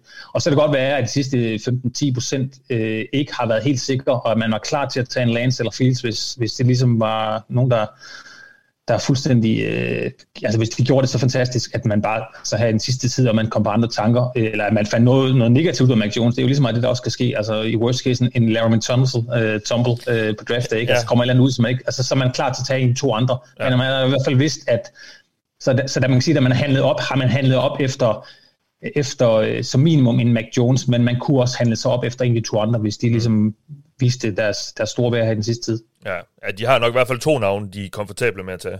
Præcis, to, helt sikkert, helt ja. sikkert, det er helt enig i. Øhm, og det er vel også, man, og selvom det jo så vil være et udskilt valg, hvis de tager Mac Jones, fordi der er en masse øh, kloge hoveder, der mener, at han ikke er den, er den, den tredje bedste quarterback øh, i draften, eller i hvert fald den bedste af dem, der så vil være tilgængelige for 49ers, så må, må man vel som 49ers-fan også have en eller anden tiltro til, at hvis øh, det offensive geni, Carl Shanahan, kigger på Mac Jones og siger, at han skal være min quarterback, så at, må, man, må, må man jo stole på, at han har ret i det, eller at han ser noget i ham. Ja, og det er også min tilgang. Altså, jeg synes, for at være helt ærlig, det vil være fjollet at sidde her så, i Danmark og sidde og, og se at scout også helt vildt. Og, og så, jeg tror, jeg har set samtlige uh, Mac Jones kast uh, i sæsonen nu, og jeg er virkelig ja. nørdet omkring det. Uh, ja. og, og også prøve at se All 22 tape og alle de der ting, man nu kan. Men altså, vi har jo ikke den den altså, detaljeinformation, som vi skal have om at scoute quarterbacks, øh, som en Carl Shannon har, slet ikke som ham, men heller ikke som folk i NFL. Og, vi har, og det synes jeg er tit, det man overser som fans, vi har jo slet ikke, vi har jo slet ikke den her øh, baggrundsinformation. Altså Zoom-meetings er ekstremt vigtige, øh, som det jo så er i år, fordi man ikke kan lave wizard workouts, men det er jo ekstremt vigtige for, om, øh, hvor, altså, hvor man ligesom lærer spillerne at kende, og, og det er vi jo ikke nærheden af at være med til. Altså jeg har også gennem årene Øh, i forbindelse med baggrundstjek og så videre, har hørt rigtig mange forskellige, øh, forskellige ting fra nogle af mine kilder, som, som aldrig nogensinde kommer ud til verden. Altså det er ikke været nødvendigvis nogle store navne, men det er nogle mindre navne, jeg spurgte lidt ind til, hvor, hvor de har hørt forskellige ting, og det er jo ikke nogle ting, der nogensinde kommer ud. Og jeg siger ikke, der er noget om de tre her. Jeg siger bare, at, at man skal ikke undervurdere baggrundstjek og, og de personlige interviews, og det her med, at de kommer op til, til et virtuelt board, som det jo så er i år, øh, og, og skal vise, hvor hurtigt de kan processe tingene osv. Det, det betyder sindssygt meget, og, øh, og så kan vi alle sammen godt have en holdning til, at, at McJones kaster lige så godt som en, som en Fields eller Lance, eller bestemt ikke lige så hurtigt, øh, men det kan jo godt være, at, at Shanahan har en, et andet syn på tingene. Plus, og det, det tror jeg også er ret vigtigt, øh, jeg hørte en, en, en podcast med Thomas Dimitrov, som, øh, som jo nu er fyret fra Falcons, men som var sammen med Shanahan hos Falcons i et ja. år, og han sagde, at øh, at han har aldrig nogensinde øh, arbejdet sammen med en træner, der så præcist vidste, hvem, øh, altså hvad for en type øh, spiller han vil have til sit system. Der er masser af trænere derude, der ved fuldstændig, eller som tror, de ved, øh, som tror, de ved, hvad de vil have. Men når det kommer til stykket, så er der alle mulige crosszoner, og så gør det nogle gange, ja, men det, det kan også være ham der, og så ender det med, at det bliver et dårligt fit. Øh, Shanna, han, han er fuldstændig Altså han har den vildeste viden om sit eget system, mm. og det gør, at han ved præcis, hvad han vil have. Og det er sådan nogle ting, som Mac Jones står for. Altså det er øh, super hurtig kastafvikling, det er vigtigere end en stærk arm, det er øh, fødder, der er totalt præcise, det, det gode benarbejde, det er øh, altså processe hurtigt, det er intelligens. Og så kan det godt være, at en, en Lance eller en Fields også vil kunne det, og måske i tilfælde Lance øh, især kan lære det, og blive lige så god som Mac Jones. Men, øh, men der er, jeg kan godt se grundene til, hvorfor han her nu vælger en, en Mac Jones. Mm. Hvis, han, hvis han gør det. Ja, øh, jeg skal lige have dit bud på sådan, fordi nu siger du også, du har selv kigget øh, rigtig meget på Mac Jones også, men også de andre quarterbacks her. Og du er jo selvfølgelig ikke scout, og du, du siger også, at altså, din mening er, er jo sådan set fuldstændig ligegyldig i det store billede, men, men jeg går ud for, at du har en holdning til, hvem, hvem de burde måske tage. Altså, hvem vil være dit drømmevalg? Altså mit personlige drømmevalg som fan, det vil være Trey Lance. Altså jeg, okay. Øh, og det var det, jeg troede, det var ham, jeg troede, de ville vælge i sin tid, øh, da de handlede op, fordi det gav så god mening med det system, man kommer fra fra North Dakota State, som har kørt rigtig mange af de samme ting, som, som Fortnite har. De kører også med en fullback ovenkøb, men med en fullback, der, der bærer tror jeg, nummer 44, ligesom som Carl Juszczyk, ja. så det er, sådan, det er sådan helt perfekt det hele. Ja. Øh, og plus han har den der, altså han har så, så store et stort potentiale, så det vil give mening at lade ham sidde på bænken et år, og så lade Jimmy G øh, køre som starter, og så vil man måske stadigvæk have et, et potentielt Super Bowl kaliberhold i år. Så det vil give god mening for mig, øh, også fordi jeg har har også hørt lidt ting øh, personligt fra nogle af mine egne kilder omkring Justin Fields, øh, som, som gør, at jeg ikke sådan er helt, helt sikker på, at han vil være mit valg. Men, men øh, men det er jo bare ud fra min egen lille amatørverden. Øh, Baseret på, at han spiller på banen, eller noget udenfor, eller hvad? Nej, mere bare sådan, øh, mere, måske mere bare den der, ja, altså, især omkring det her med hans, hans evne til at bearbejde spillet, altså på banen. Ikke nogen, ja. øh, ikke nogen øh, ja, på ingen måde noget, noget charactermæssigt, altså det er det, det er det slet ikke. Det er mere, det er mere øh, hvordan han, ja, hans, og eller ikke hans intelligens, for det er jo ikke noget med, med hans øh, evne til at processe, men øh, med det, især det, den, den kører på. Øh, og så kan jeg også læse fra flere, at, at, at øh, Tom Pellicero især har været ret øh, upfront med nogen, fra nogle af hans kilder omkring, at, øh, at Fields bliver, bliver nævnt lidt som en quiet leader. Øh, det var lidt det samme, man sagde om Gino Smith i, i sin tid, han blev et bust. Det var det, som, ja. som Nolan og Rocky øh, fik rigtig stor, stor kritik for i sin tid at skrive, at, øh, at der var issues omkring Gino Smith lederskab, øh, og det blev jo set som om man er racistisk og alt muligt. Det er jo lidt det samme, der kører nu med Fields, når man siger, at man må ja. for huske ikke sige noget omkring hans personlighed. Men det med at være en quiet leader gør jo ikke, at han er en dårlig menneske. Det gør måske bare, at han ikke er den der fantastiske leder, og det, ja. det synes jeg, jeg har set for mange kilder, der siger til, at jeg ikke... Øh, til at jeg tænker, at, at der ikke er lidt om snakken. Det, det så, sagde man vel også om Josh Allen? Dengang, gjorde det? Ja, præcis. Jo, jo, præcis. Og man kan jo sige, uanset hvad, det kan jo sagtens være, at, at Justin Fields om, om uh, tre år viser sig at være den absolut bedste quarterback, og det kan jo vise, hvad, hvad er det slet ikke har noget på sig. Og det kan jo sagtens være, knows, altså, at for Niners slet ikke ser sådan på det, og så, så kan der være alle mulige grunde til, at de vælger ham. Altså, det ved vi jo ikke. Altså, og derfor så er det jo også detaljer, vi snakker om her, ud fra den begrænsede mængde info, vi har. Men, men det er bare, der, der, hvis jeg skulle vælge mellem Lance og Fields, så ville det være, være nogle af de grunde, der ja. vil gøre, at jeg vil vælge Lance over, over Fields. Ja, jamen uh, super spændende lige at høre dit take på hele Fortnite-situationen. Søren, jeg vil godt lige slutte af med sådan lige at, at snakke lidt draft generelt. Uh, vi to snakkede også sammen op til sidste års draft faktisk, fordi jeg ringede til dig og, og spurgte, hvad, hvad, det var en meget usædvanlig draft, fordi det var den første, hvor ja, dels skulle de alle sammen sidde hjemme ved dem selv og, og tage valgene og så videre, men der har også, der blev hele processen op til også spoleret lidt af corona, fordi der, der, ja, der kan godt være, jo, der nåede at blive overholdt nogle pro days, men det var også meget sådan, det, det røg lige pludselig online, eller virtuelle møder og så videre. Så der skulle de tilpasse sig.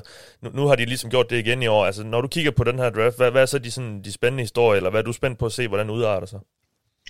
Ja, noget af det er omkring, det er jo lige omkring coronaen, altså det her med, med medicals, det er jo, bliver jo kæmpestort, altså at man ikke på samme måde har haft mulighed for at, at kunne lave øh, uh, lægecheck af, af spillerne, uh, og det er jo især, uh, man har jo lave nogle, man har lavet cirka 150 omkring ved, ved Scouting Combine nu her i, i april måned, men der er jo rigtig mange, man ikke har fået lavet ordentlig lægecheck på, eller ved ret meget om, og det kan man sige, især i, i slutrunderne kan det jo gøre, at, at nogle af, af de spillere, man vælger, der har man simpelthen ikke nok viden om, hvordan deres, uh, ja, hvordan deres øh, kropstilstand er, altså om der er knæskader og så videre, så ting man skal holde øje med. Så det kan, der, der, der, der kan det blive lidt, lidt spøjst det hele.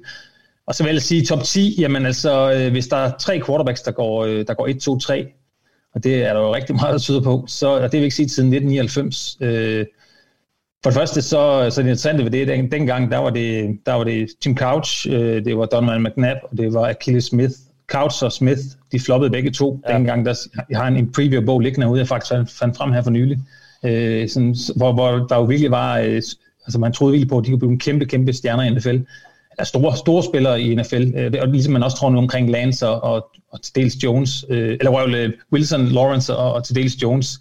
Men der er jo noget, der tyder på, at øh, historisk set, at et par af dem vil floppe. Det gjorde Smith og, og, og Tim Couch dengang det er, den ene, det er den ene ting, altså at man vælger quarterback så tidligt, og et par af dem måske flopper. Og øh, den anden ting er jo også, at det skubber nogle, nogle gode spillere ned. Dengang i 99 står en, en Ricky Williams ned, som, som Saint jo så handlede op efter, og lavede den, den, den vildeste all-time handel, hvor, ja. de, hvor de fuldstændig lagde hele deres uh, næste års draft gav den til, ja, totalt til, til, ja. til Redskins, tror jeg det var, og så, ja. øhm, og så og valgte Rick Williams, men også en Champ Bailey røg helt ned til syvende valg. Han var et gigatalent dengang, mm. da han kom ud af college, og, og røg helt ned til syvende valg. Og det samme kan vi jo se i år. Altså, der er jo nogle spillere, der kan ryge ud af top 10, som, som man for, for nogle måneder siden har sagt, at de der de går i, i top 5-6 stykker, og de går ud af top 10. Så der er virkelig nogle gode øh, skill position players, der, kan, der går ud af top 10. Så det, det er også ret spændt på, hvad, hvad, hvad betyder den her... Øh, kamp efter quarterback til toppen. Hvad betyder det for nogle af de andre spillere? Hvor langt ryger de? Øh, det synes jeg personligt bliver super spændende. Og så er der sådan kan man sige, en masse øh, andre ting. Altså der er fire GM's i top 10, der er, der er nye, øh, nye GM's. Vi ved ikke så meget om det. Vi kan selvfølgelig se lidt på, hvor de kommer fra, hvad deres tendenser er for de hold, de har været hos, men nu er de selv i chefrollen. Hvordan agerer de? En Caleb Farley. Hvor langt ryger han? Ryger han mm. øh, ned i bunden af første runde, eller ryger han måske mere sandsynligt ud af top 45? To rygskader og en korsbåndsskade, han har sat ud hele 20, øh, 2020. Altså det, det synes jeg også bliver super interessant. Så, så der er mange øh, super spændende historier i, i det her års draft. Man kan jo snakke lidt om, at, eller man kan jo lidt sige, at draften egentlig starter ved, ved Falcons ved, ved det fjerde valg, fordi vi, vi ved jo, ja. eller vi ved ikke, hvem får den egen start med det tredje valg, men vi ved, at det bliver en quarterback med 99,9% sikkerhed. Så, og, og det står jo lidt og falder med, eller så, så bliver det spændende jo så, hvad gør Falcons? Jeg tror egentlig selv, at, øh, ikke at jeg har noget belæg for at sige, men min fornemmelse er, at de vil tage en quarterback, fordi jeg, så ellers tror jeg bare, at de allerede vil have handlet ud. Altså, hvor står du på den øh, vogn der, i forhold til, hvad, hvad de kunne finde på at gøre? Den, den retning hælder jeg også til. Øh, jeg tror, de, jeg, jeg hælder pt. mest til, til Trey Lance, hvis det er, at, at Fortnite, som, som jeg vil tro, vælger Jones. Øh, ja. Så jeg er enig. Øh, men altså, man kan sige, at Falcons er jo virkelig, virkelig et hold, der kan gå i rigtig mange retninger. Øh, og, og derfor så er det også et, et, altså et super fedt øh, valg, når vi når der til, fordi vi ikke aner, hvad vi kan gøre. Altså, de kan de kan jo også teorien stadigvæk nå at handle ud, øh, og de ja, kan vælge en ja. Kyle Pitts, de kan vælge en quarterback, og hvilken quarterback er det så, hvis, det, hvis 49ers vælger Jones, altså Fields eller Lance, eller hvad gør de? Altså, det, er, øh, det bliver et super, super spændende valg, når til. Ja. Ja, så har Bengals frit valg på, på alle hylder. Det, det bliver spændende at se. Ja, det må man sige. Det må man sige. Jeg tror nu, det ender med, med Jamar Chase. Nå, øh, hvad var det, jeg tænkte? Jo, øh, så, sidste år igen, der var det draftprocessen, eller forberedelsesprocessen op til draften, der blev lidt spoleret. I år er der en masse af de her topnavne, der slet ikke spillede sidste år. Men den, når du har snakket med, med folk på den anden side af Atlanterhavet, er det, er det noget, der bliver snakket om det her med, at der er slet ikke tape for 2020 på, på mange af de her kæmpe stjerner, og, og tror, du, tror du, det kan føre til flere misser? Det får vi så først at se om på år måske, men altså, tror, du, tror du, det kan gøre, at det er lidt mere lotteri, end det måske i forvejen er, den her draft? Ja, det er, det er helt klart noget, man snakker om. Det, det, det kan jeg fortælle, og, og, og det kan man også bare se ud fra, for, hvad der ellers bliver skrevet rundt omkring. Altså, øh, der er nogle af spillerne, for eksempel Gregory Rousseau, som jo, man jo ikke rigtig ved så meget om i virkeligheden. Altså, han havde en god sæson for et par sæsoner siden og sad ude hele 2020. Caleb Farley igen, som jeg nævnte før. Altså, det, er, det kan helt klart blive lotteri, øh, og, og og gøre, at, øh, at der vil være nogle, øh, nogle big time misses øh, på nogle af de her spillere, øh, som altså, hvad det fører til, om det fører til, at nogle af de her opouts, om de, de ryger længere ned, øh, eller om der rent faktisk er nogle, nogle hold, der bare tænker, øh, jamen, han har så stort et talent eller et potentiale, så jeg tør godt tage chancen med, med alle de risici, det fører med sig. Altså det, øh, det ved jeg simpelthen ikke, men, men, men, men helt klart, det er, det er mere boom og bust, end, end det plejer at være hos, hos mange af de rigtig øh, store navne. Ja. Jamen, super fedt at snakke draft med dig, Søren. Er der en eller anden ting, eller pointe, eller noget, jeg ikke har fået spurgt dig om, du tænker, du lige vil have med i forhold til, øh, hvad, hvad der kan komme til at ske øh, i, i næste weekend? Nej, det er der egentlig ikke. Altså, jeg, ikke, ikke udover, det er jo ligesom som alle mulige andre drafts. Øh, nu sidder vi her igen altså, øh, i weekenden op til draften og snakker. Altså, der sker rigtig, rigtig meget de sidste par dage op til, øh, og især det sidste døgn op til, altså de sidste 24 timer op til, til draft start. Og, og det, det er jo det er jo det, der gør det så skide sjovt, altså at man, man, man tror, man har en masse viden om nogle, kring, nogle ting få dage før draften, og så ændrer det sig til aller, aller sidst, som vi jo blandt andet så det i, i 18 med, med Baker Mayfield, der lige pludselig, altså mandag var der ikke så mange, der snakkede om ham til, til Browns, og, og dagen efter tirsdag, så begyndte der at komme lidt gissninger om, at det kunne måske godt være, at de kunne tage ham, øh, hvis de ikke tog øh, Sam Darnold, og så onsdag var det helt vildt med, at det meget vel kunne blive Baker Mayfield, og torsdag var der flere af de store navne, der mokkede ham til, til Browns, mm. og det er jo det samme, vi kan se i løbet af ugen. Ja. Øh, så, så, så det, er, det er bare en fed tid, og øh, ja, det er jo bare med at, med at nyde de sidste dage, for der er ikke så meget lang tid til, at, øh, at det er slut. Præcis, og øh, til jer, der sidder derude og lytter med, hvis I ikke allerede gør det, så gå ind og følg Søren ind på Twitter, øh, fordi du, han deler, du deler rigtig mange gode ting, Søren, især selvfølgelig også om, om Fortnite, som jo er det, som sagt, det helt store omdrejningspunkt. Øh, find Søren, øh, du har ikke søgt på hans navn, Søren Hygum Hansen, og jeg kan også se, dit, øh, dit handle, det er S. Hygum Hansen. Så gå ind og find øh, Søren, hvis I ikke, og følg ham, hvis I ikke allerede gør det. Søren, øh, mange tak, fordi du havde tid og lyst til at være med. Det var super spændende at, at snakke draft med dig, og, og held og lykke med, med Fortnite. Jo, tak, og tak for det kæmpe store arbejde, I gør for, for NFL Danmark. Det er, det er super, super fedt. Jamen, det var altså lidt øh, fedt at have dig med, Søren. Tak. Ja, lad os lige slutte af med, og som sagt, at vende, hvad vi, øh, hvad vi er mest spændt på i forhold til vores egne hold. Øh, nu er der tre AFC Nordhold, øh, jo, som vi holder med i den her podcast. Øh, så lad os, snakke, så lad os starte lidt, øh, lidt længere nordpå i Minnesota, Mark. Øh, du havde jo sådan set egentlig lidt tænkt dig at snakke lidt om, om Vikings på nogle af de andre kategorier. Det, det, der, der fik du så en, en shitstorm imod dig der. øh, men, øh, men i forhold til Vikings, hvad, hvad, hvad kommer du til at, at holde øje med? Ja, men det, det er okay, jeg lever med det. Øh, nej, men altså, jeg, jeg glæder mig rigtig meget til at se, øh, jeg kan bare sige generelt, at jeg er fan af hold, som, eller er fan af den ting, som andre også snakker omkring, hvem kommer til at trade øh, i, i draften. Det er altid spændende, når det sker. Og, øh, og Vikings, øh, synes jeg, er en oplagt kandidat til at, at trade nok mest tilbage, det er også det, deres historik siger, øh, men altså, det vil da også, som fan er det altid sjovt øh, at se, hvis de gør et eller andet vildt, eller noget, man ikke havde regnet med. Øh, men altså, jeg, jeg synes, de er spændende, fordi at de ligger et sted i draften lige nu, hvor at deres åbenlyse mangler, altså, medmindre der virkelig er en spiller, der falder, så er det en lille smule højt måske at, at dække ind på for eksempel guard, en, en Elijah Tucker, der snakkede meget om. Øh, altså, og de mangler det her andet rundevalg samtidig også. Øhm, så så der, det, det er rigtig spændende at se, hvad de kommer til at gøre. Altså, jeg, jeg glæder mig rigtig meget til at se, om de, hvad de vil gøre for at få et andet rundevalg ind, om det bliver en prioritet for dem, øhm, og, øh, og samtidig også bliver de ved valg nummer 14, øh, fordi det, det er sådan lidt i midten af det hele, hvor at, at, at hvis de bliver der, jeg er ikke nødvendigvis sikker på, at de så adresserer deres allerstørste need. Jeg, jeg kunne godt se dem gå lidt uh, rogue, og så som jeg selv selvfølgelig var fortaler for i starten af podcasten, tage best player available. Øhm, og de her forsvarsspillere ser ud til at kunne falde, så jeg skal ikke udelukke, at det er den vej, de kommer til at gå, og, og der er en eller anden, de er faldet for der. Men, men jeg har svært ved at lure, hvis jeg skal være helt ærlig i år, hvad de har tænkt sig at gøre, for jeg synes, de kan gå mange veje, øhm, og, og det bliver selvfølgelig spændende at, at følge. Ja.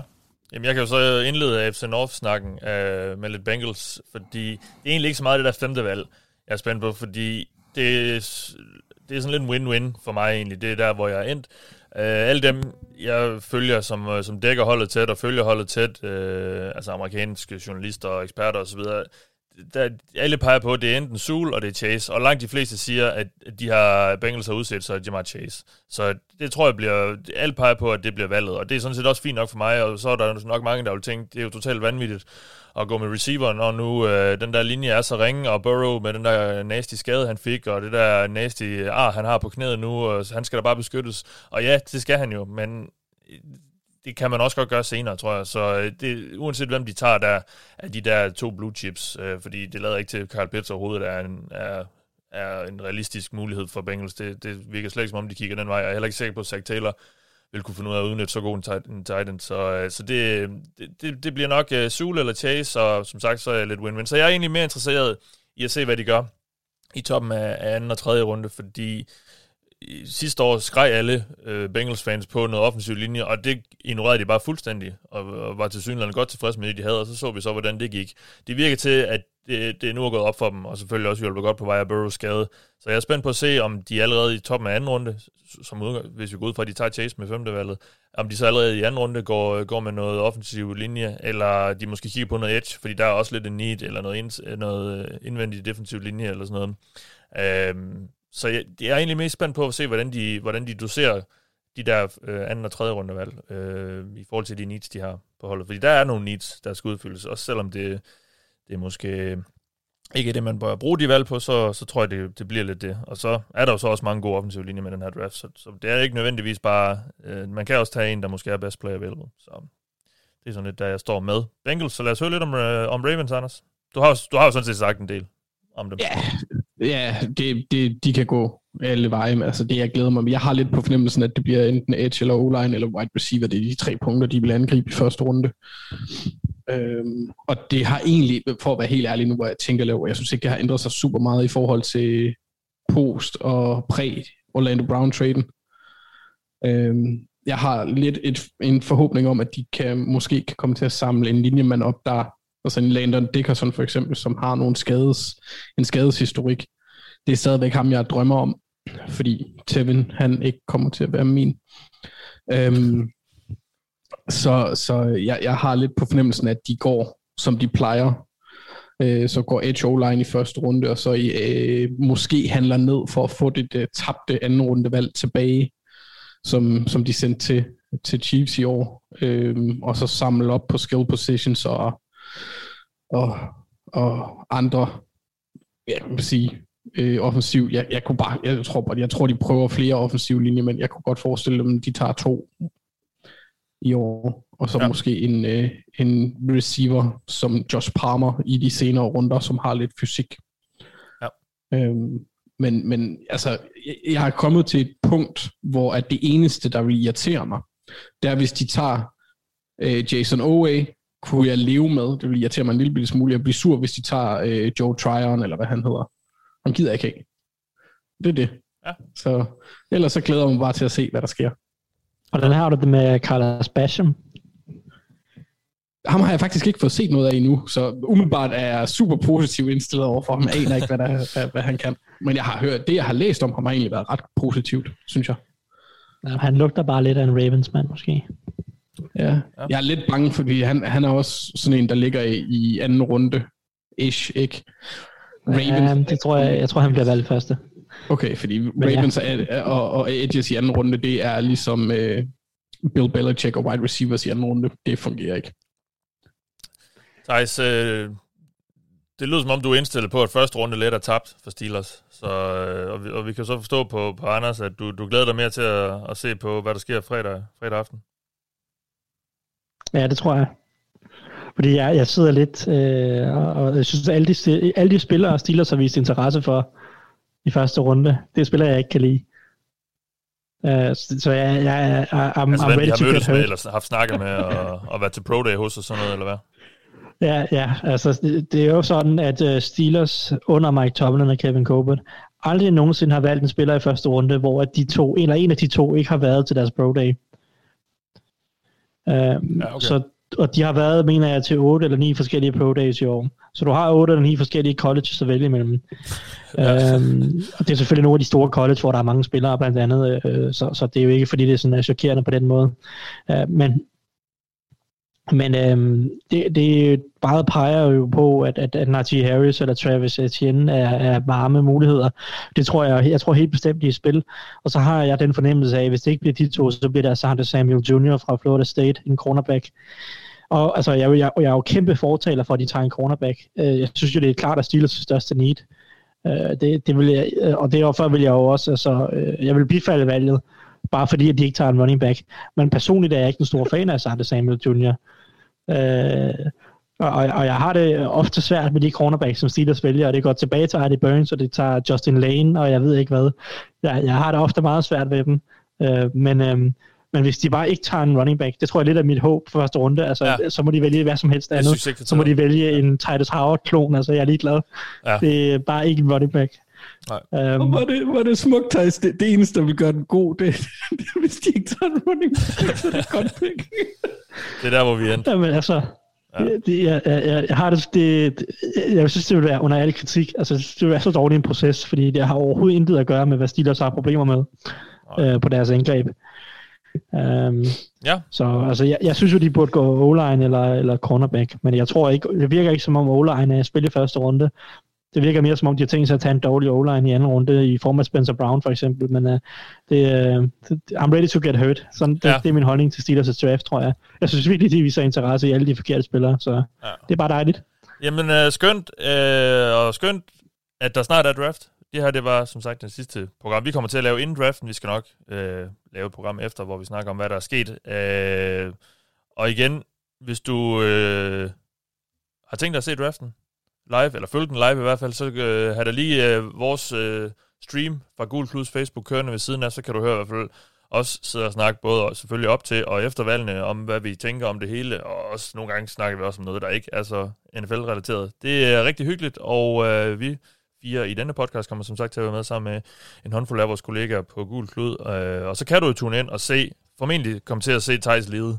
Øh, det, det er jo måske en Forhåbentlig. oplevelse. Det er måske en oplevelse bare i sig selv. Øh, så vi vender tilbage på den anden side af draften, og øh, i den omgang har du lyttet til mig. Jeg hedder Mathias Sørensen, med mig har haft Anders Kaltoff, Thijs Joranger og Mark Skafte Våbengård.